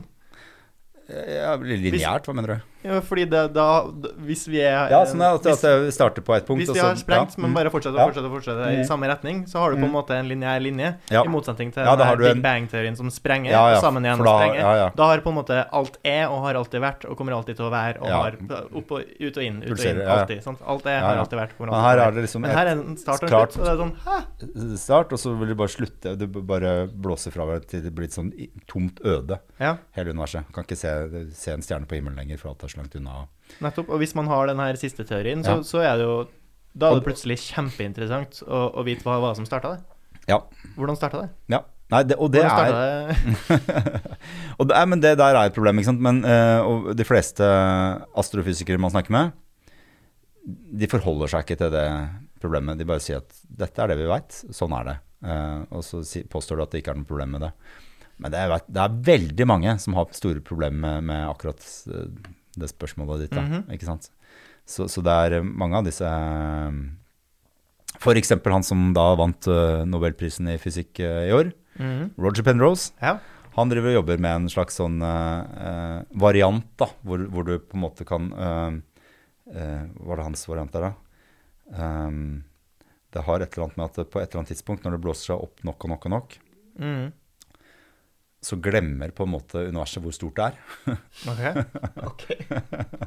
Eh, fordi eh, Det er Kjempe, kjempegreit å forholde seg til. ja. Det hørtes ikke helt eh, nobelsk ut. eh, nei, nei, men, nei, men det er fordi at det, på, på, til slutt så eh, Jeg husker ikke det her Så- fra matematikken. Nei, så vil, jo, men så vil alt Det er en annen ting, da. ikke sant? Hvis ting bare får øh, og Uansett om det hadde vært i ro, eller om det utvider seg, eller whatsoever. Mm. Hvis det ikke skjer noe sånn pulsering, så vil øh, all materie etter hvert det driver og sender ut varmestråling, mister energi til varmestråling. Mhm. Eh, Alt sender ut varmestråling. Ja, men det flytter jo bare Mm. energien. Det flytter jo bare Ja, energien. men det spiser, og og så etter hvert så vil det spise av massen i seg sjøl. Mm. Så all materie vil til slutt, etter eh, Oppløse tusen seg. eh, filiarder grilliarder år, Ja. vil bli til å- i bare stråling tilbake. Ja. Og da er hans eh, idé at denne strålinga da er det ikke lenger noe masse. I, Ok. i universet for stråling har- er masseløst, og da er det ja, det- det er ikke sant, Nå er jeg litt på tynn is her, Ja, ja, men, men det, det- er no, det er noe i den gata. Og da, og da, mist, da glemmer universet øh, Hans øh, ene kongstanke er at øh, så lenge noe har masse, så har vi også en tid. For, øh, for det, er, det er en sånn ligning som sier at det er en sammenheng mellom eh, ikke sant, Som en, en, en sånn eh, cesiumklokke, f.eks. Det er fordi cesiumatomet, sånn atomer, Mhm. eh, vibrerer med en viss avstand. Og alt som har, eh, alt som har eh, masse, de har en viss sånn egen frekvens. Mhm. Men, eh, og, og dermed så kan man også påpeke en, en slags objektiv tid. Mhm. Eh, si at eh, Ja. Eh, og, og så blir den borte. Rett og slett, Hvis det ikke er mer masse igjen, så er, det- finnes ikke tid lenger. Nei. og da går eh, universet inn i en sånn eh, tilstand av eh, at den ikke husker lenger. og- Og, Husker ikke, blir opprørt. Litt Blir hormonell. og, og er i en tilstand med veldig, veldig eh, lav entropi. Og da kan det oppstå noe slags nytt big bang. Da starter Ja. det på, på nytt igjen. Da. Og han mener at han kan se spor, eh, spor av tidligere universer. Da, i, i, eh, for dette, du kan ha noen i i et sånt univers eh, Hvis du har to enorme sorte hull Ja. hvis, I vårt univers nå, da. La oss bare si i vårt univers. ja. Når eh, Melkeveien og Andromeda-galaksen om eh, noen millioner år, så vil de krasje sammen. Ja. Eh, Tror man. Ja, tror man. De er på vei mot hverandre. Ja. Eh, så, ikke sant? så nære galakser de kan faktisk bevege seg mot hverandre. Men Ja. de er på vei mot hverandre, og de kommer til å krasje. Og det, i, I sentrum av hver av de galaksene er det to gigantiske sorte hull. Og da Mm. mener jeg liksom eh, helt, helt avsindig enorme. På ma- massevis av millioner solmasser. Ja, for men, det er jo stort sett det som er egenskapen til svarte hull, er det ikke det? Det, det er full av masse, masse, Ja, og derfor har de masse gravitasjon. ja, Så stort sett så driver ting og sirkler rundt de. Jeg ja. har ikke så mye valg. Eller blir sugd inn, og så, Ja. og så videre. Men eh, du har forskjellige sorter hull. Du har de som har vært eh, stjerner en gang i tida, Mm. som har eksplodert. Og de er et eh, s- stabilt sort hull som kanskje er like tungt som sola, eller eh, et par ganger større. Mm. Eh, og de vil ikke suge til seg så veldig mye masse, egentlig. For Nei. at det er ikke så mye som treffer i nærheten. Ok. Altså, det, eh, et sort hull det, blir, det får ikke noe mer støvsugereffekt enn enn det Altså, hvis sola hadde blitt et sort hull, så Ja. ville det vært veid akkurat det samme som sola f- gjør nå. Og det ville ikke sugd til seg noe mer. Det ville bare Ville dere ikke sugt til seg noe mer? Hvorfor ikke? Nei, fordi at eh, Den har- jorda ville, jorda ville bare fortsette å gå rundt i samme bane. Den ville ikke visst om Den kjenner bare gravitasjonsfeltet, og det er det samme om det Og, om, og, om, og vi spinner fortsatt fort nok unna til Ja, ja, at ja. den ikke gradvis Ja, ja, så- Kommer vi ikke gradvis nærmere Nei, sola nei, heller? nei, nei. Nei. Så det spiller, hadde ikke spilt en eh, døyt rolle for jorda om, om sola hadde blitt et sort hull. Bare Men, blitt men, jækla hva, kaldt, da. men hva om det krasjer med da, en annen galakse, da? og vi Ja, tre- altså, da, da hvis vi treffer noe det annet krasjer som noe, møter krasjer når det kommer en meteoritt inn eller noe, Ja. så suges det inn. hverandre. Mm. Eh, og det er det man tror vil skje med eh, Melkeveien og Andromeda-galaksen, da, hvor du har disse gigasorte hullene. Mm. Og når de treffer hverandre, så vil det utløse en eh, For de vil antagelig da bli fanga i hverandres gravitasjonsfelt, og så vil de spinne rundt og rundt. Mm. Og så ender det i en gigaeksplosjon som er helt eh, sinnssyk eksplosjon, eh, hvor ting slynges ut. Og dette, sier da Penrose, vil sette seg som et eh, eh, mønster i den såkalte bakgrunnsstrålinga. Eh, det er en sånn der, eh, Uansett hvor man ser på ut ut i universet, så finnes det det som heter bakgrunnsstråling, Mm. som er rester av Big Bang-tromma. da. Mm. Eh, og det er f- statisk støy på TV, gamle TV. Ja, mye bakgrunnsstråling, egentlig. S- Som, som, er, som sier bsj. Yes. Ja. Folk syns det er skikkelig kjedelig med sånn der white noise på TV, men egentlig så er Big Bang litt Ja, ja, det er Big Bang sitter og ser på. Eller et gammelt Big Bang, da. Eh, gammel fyr. Men han mener at hvis det bare er sånne gigantiske nok eh, Det har ikke hendelser, Øystein så vil, Greni det sette sagt noen seg, ting om. så vil det sette seg spor, da. Og da ka- kan du i prinsippet eh, se et sånt spor da, på, på TV-en din. men, men eh, disse sporene vil faktisk kunne overleve han, da, mener jeg, i et nytt sånn type Big Bang. Så man vil Ja. kunne se det som sånn mønstre i, hvis man studerer bakgrunnsstrålinga som finnes i universet vårt nå. Ja. Så vil et sporet fra forrige univers, eh, sånne ekstreme hendelser, overleve Ok. den, den, den der eh, fasen hvor det går over i nye igjen. ja. Så eh, han mener han har sett det. Noen norske eh, astrofysikere mener de har motbevist ham. Ok. Eh, han mener at de tar feil, eh, Ja. og sånn går nå dagene. Nei, men eh, i, i han, det, det er jo ikke noe galt i den eh, te teorien hans. Nei, nei. Eh, I hvert fall ikke med min lo logikk, som jeg sitter her som det lille barnet er. Men eh, jeg lurer jo fortsatt på hvordan han forklarer det på en måte den første eksplosjonen. Ja, men da, han, da, han vil jo være en, da, en uendelig rekke av eksplosjoner som eh, stadig bare gjentar seg på nytt, da. Men Ja, for han har denne her pul ikke den ikke, ikke pulseringa. pulserende, men at eh, Men hvorfor ser det ut til at alt eh, som er her nå, kommer fra samme punkt, da? eh, jo, Ja, men det vil det også være i hans eh, Altså Fordi en sånn liten Men Big, eksplosjon, Big, det kan Bang, være nok. Big, Big Bang er veldig vrien greie. Fordi eh, man sier at alt starter av ett punkt, og det stemmer. liksom. Hvis du tar alle stjerner som vi kan se, Ja. så kan du på en måte trekke dem tilbake og tilbake, så vil du komme til samme eh, lille punkt. Mm. Eh, men det er bare det vi kan se, eh, observere. Og de fleste astrofysikere tror på en måte at, eh, at uni- universet er uendelig stort. da. Mm. Sånn at eh, dette punktet som en gang eksploderte, egentlig er uendelig stort. Overalt så eksploderte det. Eh, Men eh, det er veldig vanskelig. Man kan tenke på det som eh, hvis du har et eh, Hvis man eh, leker litt med dimensjonene, så tar du Ja. et papirark og tenker at uh, istedenfor at vi har eh, Big Bang et punkt, så har vi et plan, Ja. ja, en et papirark, Ja. og så eksploderer det, Ja. og da plutselig får vi en tredje dimensjon som vokser oppover. Ja. Og hele, hele planet øh, øker i volum. OK. Eh, Mens vi ser fortsatt bare arket. nei, nei, nei, vi er inne i, inne i eh, det tredimensjonale rommet et sted. OK? Så øh, ja, det, det, det holder ikke helt mål, da. Men, nei, nei. men det er på en måte det at eh, eh, Vi kan ikke se utav det- Vi har- snakker om det som er det synlige universet. Ja. Og så veit vi ikke om det finnes noe utafor der eller ikke. Og det Mm. kan vi aldri vite heller. Nei. Eh, fordi lys aldri vil nå fram til oss her hvor vi er. Mm. Eh, Så én eh, skole av astrofysikere vil påstå at eh, eh, synlig universet, ja, det er alt som er. At det er, eh, universet er endelig stort, og da kan man tenke seg at det pulserer sånn gravitasjonsmessig.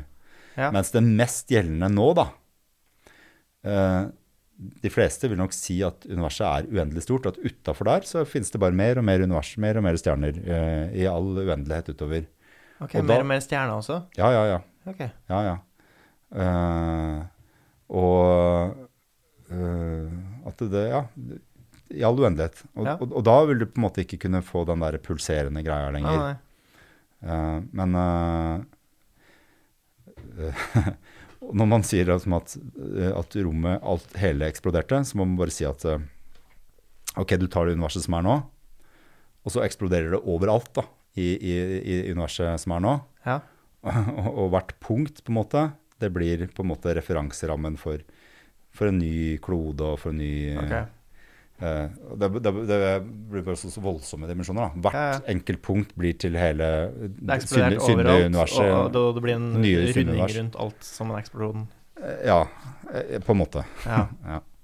Ja. ja, det blir for abstrakt for meg. Ja. Ja, det er Ai, ai, ai. voldsomt. Altså Jeg beklager. eh, Noen kilometer baki her. Men altså eh, Men dere, dere, gjorde det vanskelig for dere sjøl, da. Ja, ja, ja, fortell nei, men det er fortell fint, det. alt om fysikk. ja, Nei, men herregud, det er jo kjempegøy.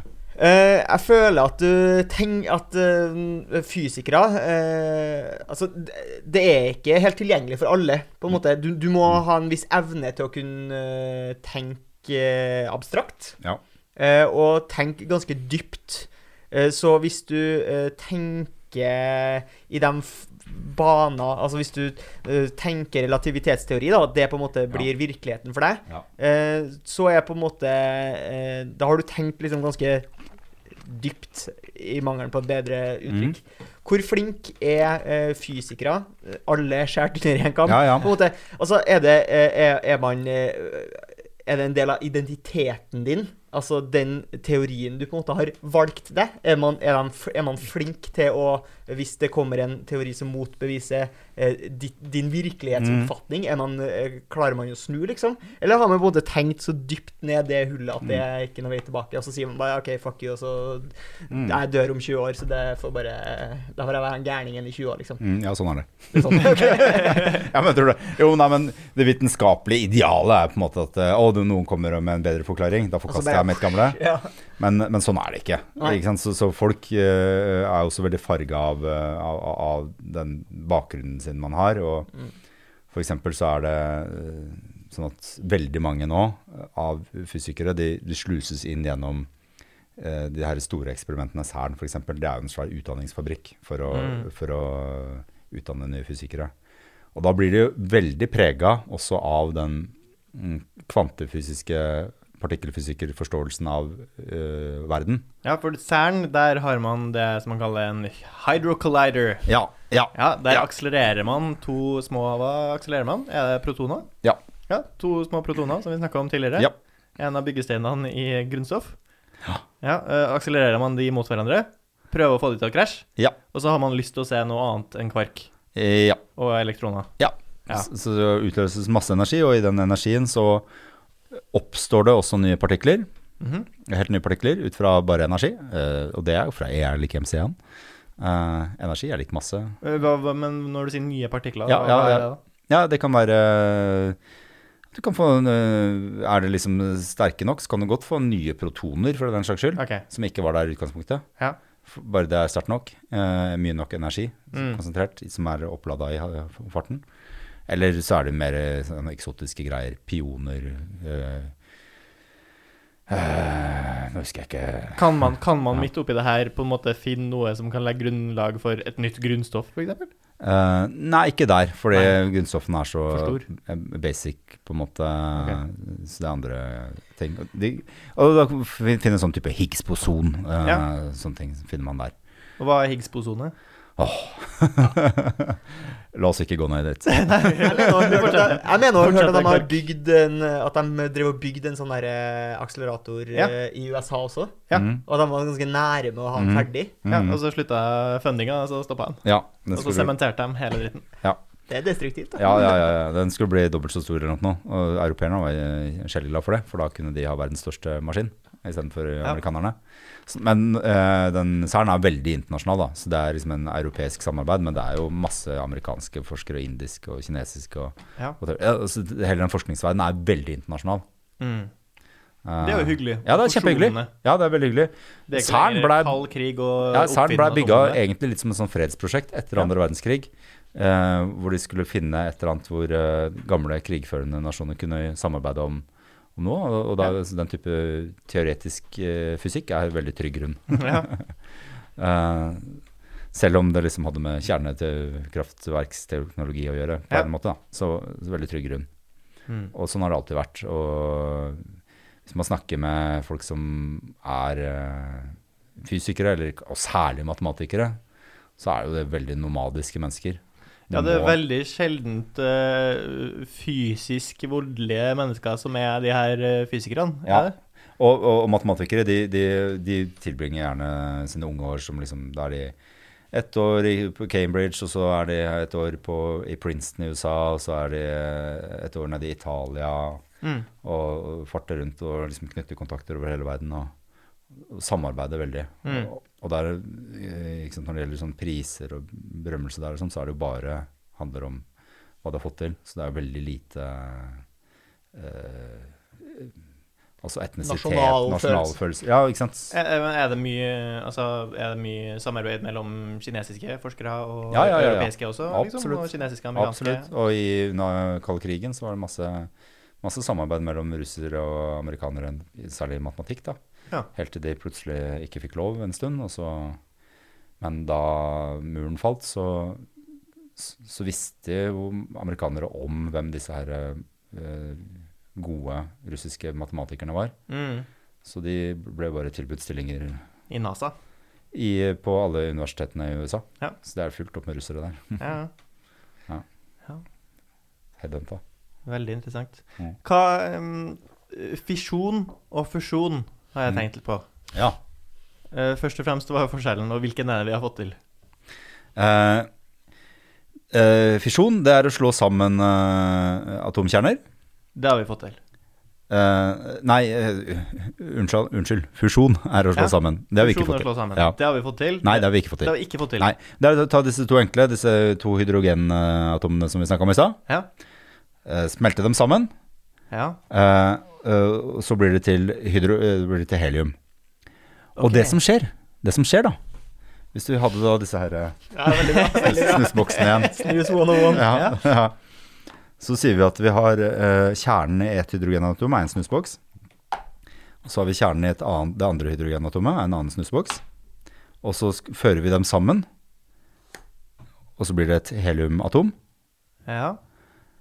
Hvis du putter det her på vekta, så vil du si at eh, hver for seg så veier de her to mer enn de gjør når de er samla sammen. Litt som om at et eller annet sted i prosessen her, når disse to snusboksene eh, slo seg sammen, så forsvant det litt snus ut av boksen. ja. Og den snusen, det er energi som Ja. frigjøres. ja. Eh, og så slår du sammen to heliumatomer eh, til eh, tyngre ting, ikke sant? så får du natrium og eh, oksygen og eh, whatnot. Så forsvinner det stadig litt mer snus ut av boksene. Og de Ok. blir, eh, så de, hvert enkelt eh, proton blir litt og litt lettere. Helt un, du For det når- forsvinner fra protonet. ja, de, blir, får litt, de får litt mindre energi, er det som skjer da. De får litt mindre eh, Og, og det, energi er masse. Så de, de, men man kan si det sånn at de, de blir litt lettere eh, i alle trinnene, helt ned du når til jern. Mhm.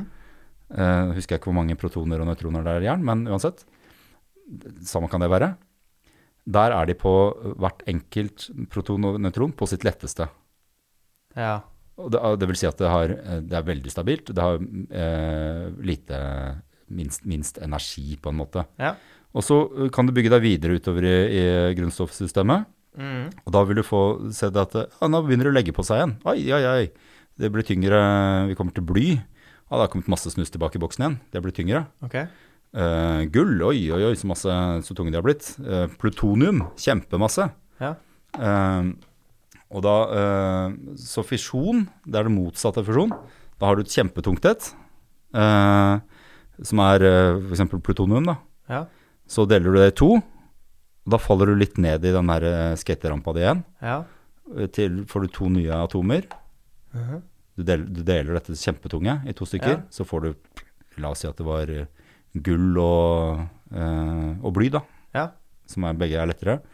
Eh, og, eh, og da, eh, da, da, da, og da siden, siden det var mest snus i, i, i boksene, eh, i, i hver enkelt boks i, i, i den her Ja. eh, plutoniumet, Mhm. så har noe forsvunnet på veien, og det er frigjøres som energi. Ja. Og fisjon, det er det vi eh, takler, da. Det er det i, eh, i atombomber. ja. Da splitter, da vi. splitter man da det. splitter man, ja. Mhm. Men så går det liksom ned til bunnen av skaterømpa, som er jern, og så går det opp på andre sida. Mhm. Så på den Men Begge har samme kurve, da. De er veldig tung der, og så blir går det de ned en denne lang rett, kurvrett, ja, og så blir de tung det igjen. tunge, tunge greiene. Ja. Men begge, begge er i, i teorien lik begge, altså det er likt begge veier. ja, du, får mer, du kan få mer energi egentlig ut av de fusjonsprosessene, da. Mhm. På, på det som å koble sammen de hydrogenene til helium. Ok. Det er egentlig mer energi, men det er mye vanskeligere å få til. Men hva, hva er det man ikke får til med å slå de sammen, da? Eh, du må ha eh, enten enormt trykk, som du har midt inne i sola, Mhm. Eh, eller det er egentlig det du må ha. Du må ha kjempestort press da, for å dytte dem sammen. Og det får man ikke til med disse, disse tinga her. Så istedenfor, på- hvis man skal få det på jorda, så må man opp i helt vanvittige temperaturer. Mhm. eh, som er mye, mye større enn det som er inni sola. Ok. Og, og når du har sånne temperaturer, så blir det blir det vanskelig å ha dem i en boks. for da smelter boksen. Ja. Så det man prøver, er liksom å, å holde dem inne i noe slags magnetfelt, fange dem inn i noe magnetfelt, og så få varma dem opp tilstrekkelig til at de begynner å fusjonere. Da. ja. Og da, vil- hvis man får til det, så har man veldig lett tilgang til eh, enorme mengder energi. Da. ja. For det er solas måte å lage eh, energi på. Og det er For- for sola- hydrogen. for sola hydrogen får til finnes det det her. nok av. Ja, så, sy- ja. Men det er fordi at den er så svær, eh, og det, er i- inni midten så er det så høyt press. Ja. Det er liksom det trykket fra eh, alle disse her eh, milliarder på milliarder på milliarder med kilotonn. ikke sant? Og der er det hydrogenet som, Ja, eh, i- sola er nesten bare hydrogen. som fisjonerer til fusjonerer til, Fusjonere til helium. til helium. Og da eksploderer det, og, og det holder Og det, Det, skaper hin det en- hindrer at sola kollapser. Så det er Ja. liksom en sånn balanseeffekt. Så nok en gang så er det lettere å ødelegge ting enn å bygge de sammen. Ja. Ja. det kan man si. Det er enkelt poeng der. Men vi vet at det g- Altså, det- det- enn så lenge så er det på en måte Det, det er teoretisk helt til man har klart det, da. Eller? Eh, fusjon? Ja. Ja, fusjon. Man har jo drevet og prata om fusjon siden 60-tallet. Liksom prøvd å bygge eh, fusjonsreaktorer. ja. Man har ikke fått det til. For det er Fordi så det er noen som mener fryktelig sånn vanskelig. Det må da gå an! Altså, Ja. det må jo gå an å Ja, altså. gjøre det andre så er det veien. noen så som- jo, ja, så så- jo så er at det noen som- Tony Stark fikk det til i Iron Man. ja. Og så er det noen som sn- Det kommer stadig noe greier om eh, kald fusjon, da. Eh, hvor man klarer liksom å gjøre det eh, Uten de her høye temperaturene. Ja, ja. Mm. Eh, men det er bare bøff. Fordi ikke sant, en, en, eh, Men det stadig kommer det nyhetssaker om det, da, at noen påstår at de har fått til kald fusjon. Mm. Men, Men, men det, er så- ikke, det er ikke forenlig med, med, med kjente lover, da. Men en, en teoretisk fysiker vil si at eh, ok, greit. Eh, med mi- det jeg vet av lover, så funker det ikke. Men hvis du får det til, ja, Ja. bare bygg det kraftverket, så skal jeg gi meg med en gang. Men er det sånn at det er lettere å fusjonere ehm, eh, grunnstoff som er simplere? Altså er det rett, lettere å fusjonere to Ja, det er det hydrogenatomer også. enn det å fusjonere to eh, jern? Ja, jern får du ikke gjort noen ting med. Det er bare Ja, du kan, du kan få det til å Eller to plutonium, eh, da. Det er verre å slå sammen plutonium med hverandre ende hydrogen. enn å slå sammen Ja, men hydrogen. det er jeg ikke så sikker på, egentlig. Det tror jeg kanskje ikke. Nei, Altså, det er sånn for man det bygger, her det har er sånn man noe med bygger når man den her- bygger, bygger sånne kunstige grunnstoffer. Ok. Det, det har man drevet og holdt på med. eh, Og ut, utvide liksom eh, Ununoctonium og Ja, ja, ja, ja, unoctonium ja. og sånne ting. Og da starter man med tungthet. eh, Men det som er greit, er at de er ganske, de er, der er kjernene ustabile. Ja. Så de vil ofte dele seg av seg sjøl, og de er liksom, er litt sånn wobblige. Så der tror jeg man lettere også kan bare For, så, skyte, man, så skyte man inn en vil ha annen de som kjerne. er ustabile, for de er også lettere å slå sammen? Ja, men du, du tjener ikke noe energi på det å slå Nei. sammen de. Da, det taper du energi på. Så du ville i utgangspunktet fått mer energi hvis du hadde klart å smelte, slå sammen to jern? Eh, nei, det, nei det, det, der, der er det ingen energi å vinne. Ingen Ver, verken å dele eller å eh, slå sammen. Nei. Ingen energi. Jern mot jern? Ja, ja, ja. Da må du tilføre energi enten for å dele eller for å Ok. Ja. Så hvor er det det på en måte er mest energi å hente? da? Ja, det er på hydrogen. Hydrogen og Rett og hydrogen slå det sammen og så ø, og få til en sånn fusjon som foregår på sola. Føler du at vi har blitt klokere på fysikk, Torim? Jeg føler litt jeg havner der jeg Der du begynte? Eh, det- Nei, eh, jeg havner der jeg liksom alltid havner. Eh, Mm. Hvor er det? og Det er den derre Ja. Men eh, det er nok antageligvis at jeg har for få knagger å henge på. da. Mm. Eh, jeg merker jo at du har en mer eh, Du har eh, du- Jeg ser det i øynene dine når du kommer på hva du skal spørre om, for du, det er ting du lurer på. Ja. Eh, jeg er ikke helt der. Nei. Men, eh, Men- men- men- nei, for det er sånn, sånn for eksempel sånn Altfor voksen ramler inn litt sånn i bakfylla på et museum i Serbia Mm. eh, og oppdager eh, Nikola Tesla. Ja. Og så tenker jeg sånn Trådløs strøm! Det må jo være framtida! Og så sånn, «Å, det har vi holdt på med liksom i 100 år. Ja. Trådløs strøm. Det, er klar- det, det, det visste ikke jeg at var en greie. Nei. Så jeg henger litt bak. Jeg har noen bøker jeg må bla i, antageligvis. Hør litt mer på Abels tårn, kanskje. ja, nå var vi jo gjennom ø, en del ø, århundrer med tusen år med fysikk på øh, Ja, relativt kort tid. Og ganske mange fysikkurs. Generelt relativt eh, kort tid, eller eh, annen relativt kort tid? ja. Spesielt. Spesielt relativt kort tid. Ja. Men, eh, men eh, du hadde et bra spørsmål der i stad, når du prøvde å, å være litt kritisk til eh, om å, er fysikere For jeg Ja. lurer på om det var det som lå litt under her. Er de litt trangsynte? Ja, eller sånn øh, øh, det, er ta- det, er- altså, Tanken min er jo bare at hvis du jobber 60 år med Mm. Ja. et prosjekt, Ja. og så rett før du skal publisere det, så er det en fyr som sier sånn Ja, Ja. alt det du har basert Ja. det på, det er bare piss nå. Ja. Nå er det piss. Klarer Ja. du å snu da? Ja. Og så er det jo eh, den her eh, vitenskapelige metoden som det er bygd på, er jo veldig sånn at man egentlig skal slippe det, ikke sant? Ja. Du ja. skal alltid Men, det, men det, sk- det skjer jo Det skjer for eksempel Et veldig godt eksempel var eh, noe som het eh, Bicep-eksperimentet. Ok. som var en sånn eh, observatorium nede på Sydpolen. Ja. Mm. Jeg vet ikke hvorfor det heter Bicep, men det het nå det. det var forkortelse for et eller annet. Og de, og de drev og lette etter noen sånne spor, litt à la de der jeg snakka om han Penrose så etter, Ja. i den her eh, bakgrunnsstrålinga. Mhm. Og de publiserte at eh, de hadde stor pressekonferanse og sa at de hadde funnet noen sånne ringer. Kjempeprestisjeopplegg, ikke sant, for det gikk kjempestort ut med det. Og så kom det eh, noen europeiske forskere etterpå som hadde noe nyere data fra noe litt mer avanserte, og så påpekte de at eh, nei, det der er bare støv dere har sett, eh, støv i kosmos. Og så kunne de vise det, og da trakk de tilbake med umiddelbart, da, de bicep-folka, og sa at ok, greit, ja, dere hadde rett. Vi dreit oss ut. Beklager. Og det er jo veldig sånn god historie, for at eh, sånn skal det være. Ja. Mhm. Eh, men kanskje var det fordi at de ikke hadde holdt på med det i 60 år, da. Ja, ja ikke sant? det er lettere å, Ja. lettere å gi seg da. Ja, men, eh, men jeg tror det ligger en annen ting. Det er liksom dette her med eh, Da Einstein kom på banen, og Niels Bohr holdt på for 100 år siden eh, og han, eh, Niels Bohr var liksom den store grandfather of eh, kvantefysikk. Mhm. Eh, så så lå det utrolig mye sånn filosofi inni dette her. Altså de, de hadde en veldig sånn filosofisk tilnærming. Og, og eh, så kom liksom andre verdenskrig, og, og, og plutselig ble fysikere og matematikere ble på en måte en sånn del av den kalde krigen, da, hvor det Mm. gjaldt bare å pumpe ut flest mulig fysikere og matematikere for å være vitenskapelig overlegen eh, eh, Russland. Ja.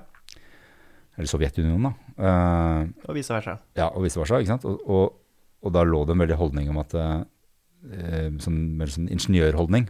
At eh, en berømt fysiker som heter eh, Feynman, som har vunnet en nobelpris han eh, er berømt for eh, 'shut up and calculate'. Ikke sant? Ikke stille filosofiske spørsmål, du kommer ingen vei med det. Bare lær deg matematikken. Ja. Eh, og, men så har man liksom stått og stampa litt i noen sånne spørsmål i, ganske- i 20-30 år nå, da. Som man, eh, eller lenger, egentlig. Det, det her eh, ene, det at du ikke klarer å kombinere de to tinga, Ja. det er jo noe som er 100 år gammelt. Det har vært der helt siden begge de to teoriene ble født. Mhm. Og så- men man kommer ikke noen vei videre, på en måte. Og jeg tror at det som må til, er, eh, er filosofi Ok. rett og slett. At, at noen må komme utenfra med et slags sånn filosofisk blikk, hvor man snur litt opp ned på hva, hva man tenker om ting, og hvordan vi oppfatter et eller annet, ikke sant? Og så at løsninga kommer der, da. At det bare er et eller annet Noe må klikke på plass i huet på en annen måte å se verden på. Ja. Mm. Eh, for det var det som skjedde på den tida. Og så har folk vært veldig redd. Mange fysikere eh, liksom snøfter av filosofi og sånt, fordi de er jo humanister. Hallo. Ja. Eh, Men, eh, men, men jeg, tror, jeg, tror det kommer, jeg tror det vil komme derfra. Jeg mener en sånn her gammel skrøne jeg har sett dypt innpå internett en gang. Om en sånn her eh, eh, matematiker som kom for sent til forelesning. Og så hadde han bare kopiert ned liksom, leksene som sto på eh, tavla da han dro. Og så kom tilbake og hadde selvfølgelig gjort uh, hjemmeleksa si. Så Mhm. viser det seg at det var jo ikke hjemmelekser som sto på den tavla, det var jo to sånne her, eh, problem som på en måte egentlig er uløselige. da. ja. Så på en måte hvis du har en annen approach Mm. det der med, ikke sant, Du får noen sånne, her, kan få noen sånne her, eh, skylapper hvis på en måte noen har sagt at det her går ikke an å løse. så er Det, på en måte lett. det er akkurat samme som at det er ingen som klarer å springe fortere enn så og så fort på 100 meter, og så er det en som bryter den magiske grensa. Og så er det plutselig mange som får det til. Eller flere Ja. som får det til. Så den der stengslene må ned. Kanskje det må komme noen utenfra. I Mm. Ja. don't know. ja, Torgrim. Meld deg. Jeg Det mener- er ikke sikkert at det skal komme utenfra, da, men at det Nei. kan være en ø, filosofisk vending innafor at flere fysikere blir Og det, det tror jeg kanskje er en trend også. At Ja. flere ø, fysikere blir opptatt av, av, ø, av filosofi. Da, og stiller Ja. de liksom filosofiske spørsmåla. Hva, hva er det som ø, foregår her i, i verden? F.eks. sånn som dere har hatt gjest her, Inga Strumke. Ja. Hun er litt opptatt av de filosofiske spørsmålene bak også. Veldig. Jeg prøver å prate med henne om eh, fysikk, men hun er Ja. mest interessert i å filosofere. Ja, ikke sant? Og, jeg- jeg- og jeg tror kanskje det er en sånn eh, kobling, da. Og, det, Mm. og, det, og de kan og de, Men disse, disse fysikerfilosofene, de må jo gjerne få sin eh, filosofi-input da, fra filosofene. Men Ja. antagelig så må løsninga komme fra en filosofi-interessert fysiker. Mm. En Ja. som kan begge Ja, Ja, deler. så begge kan man deler. velge, ja. Inga Strumke ba meg stille deg spørsmålet hvordan er det å bo i Abels tårn, Torgil? Hvordan er det å bo der? Mhm. ja, nei, det er ehm, Ja, hvordan ser det egentlig ut inni Abelstårn? Er det litt rotete, tro? Ja, det er litt sånn koselig-rotete, tror jeg. Mm. Eh, og så er det alltid sånn jovial stemning når vi inviterer til eh, fest. Mm. Når vi setter oss rundt bordet. Så eh, jeg vil si at det er ganske koselig. Ja. koselig, og så er det bra utsikt. Bra utsikt. Ja. For jeg ser alltid for meg at det er rotete av en eller Ja. annen grunn når matematikere og Ja. fiskere som holder på. De er ikke, de er ikke så Det kan opptatt ikke av at være, det er nei, det ryddig. skal ikke være så rent og ryddig. Det skal Nei. ikke være. Nei. Det ødelegger kreativiteten. Ja. Ja. Husk å høre på Abelstårn. Det går hver fredag klokka ti på P2. Hyggelig å ha deg på besøk, Torkil. Og det er ikke så komplisert som dette her. Overhodet ikke.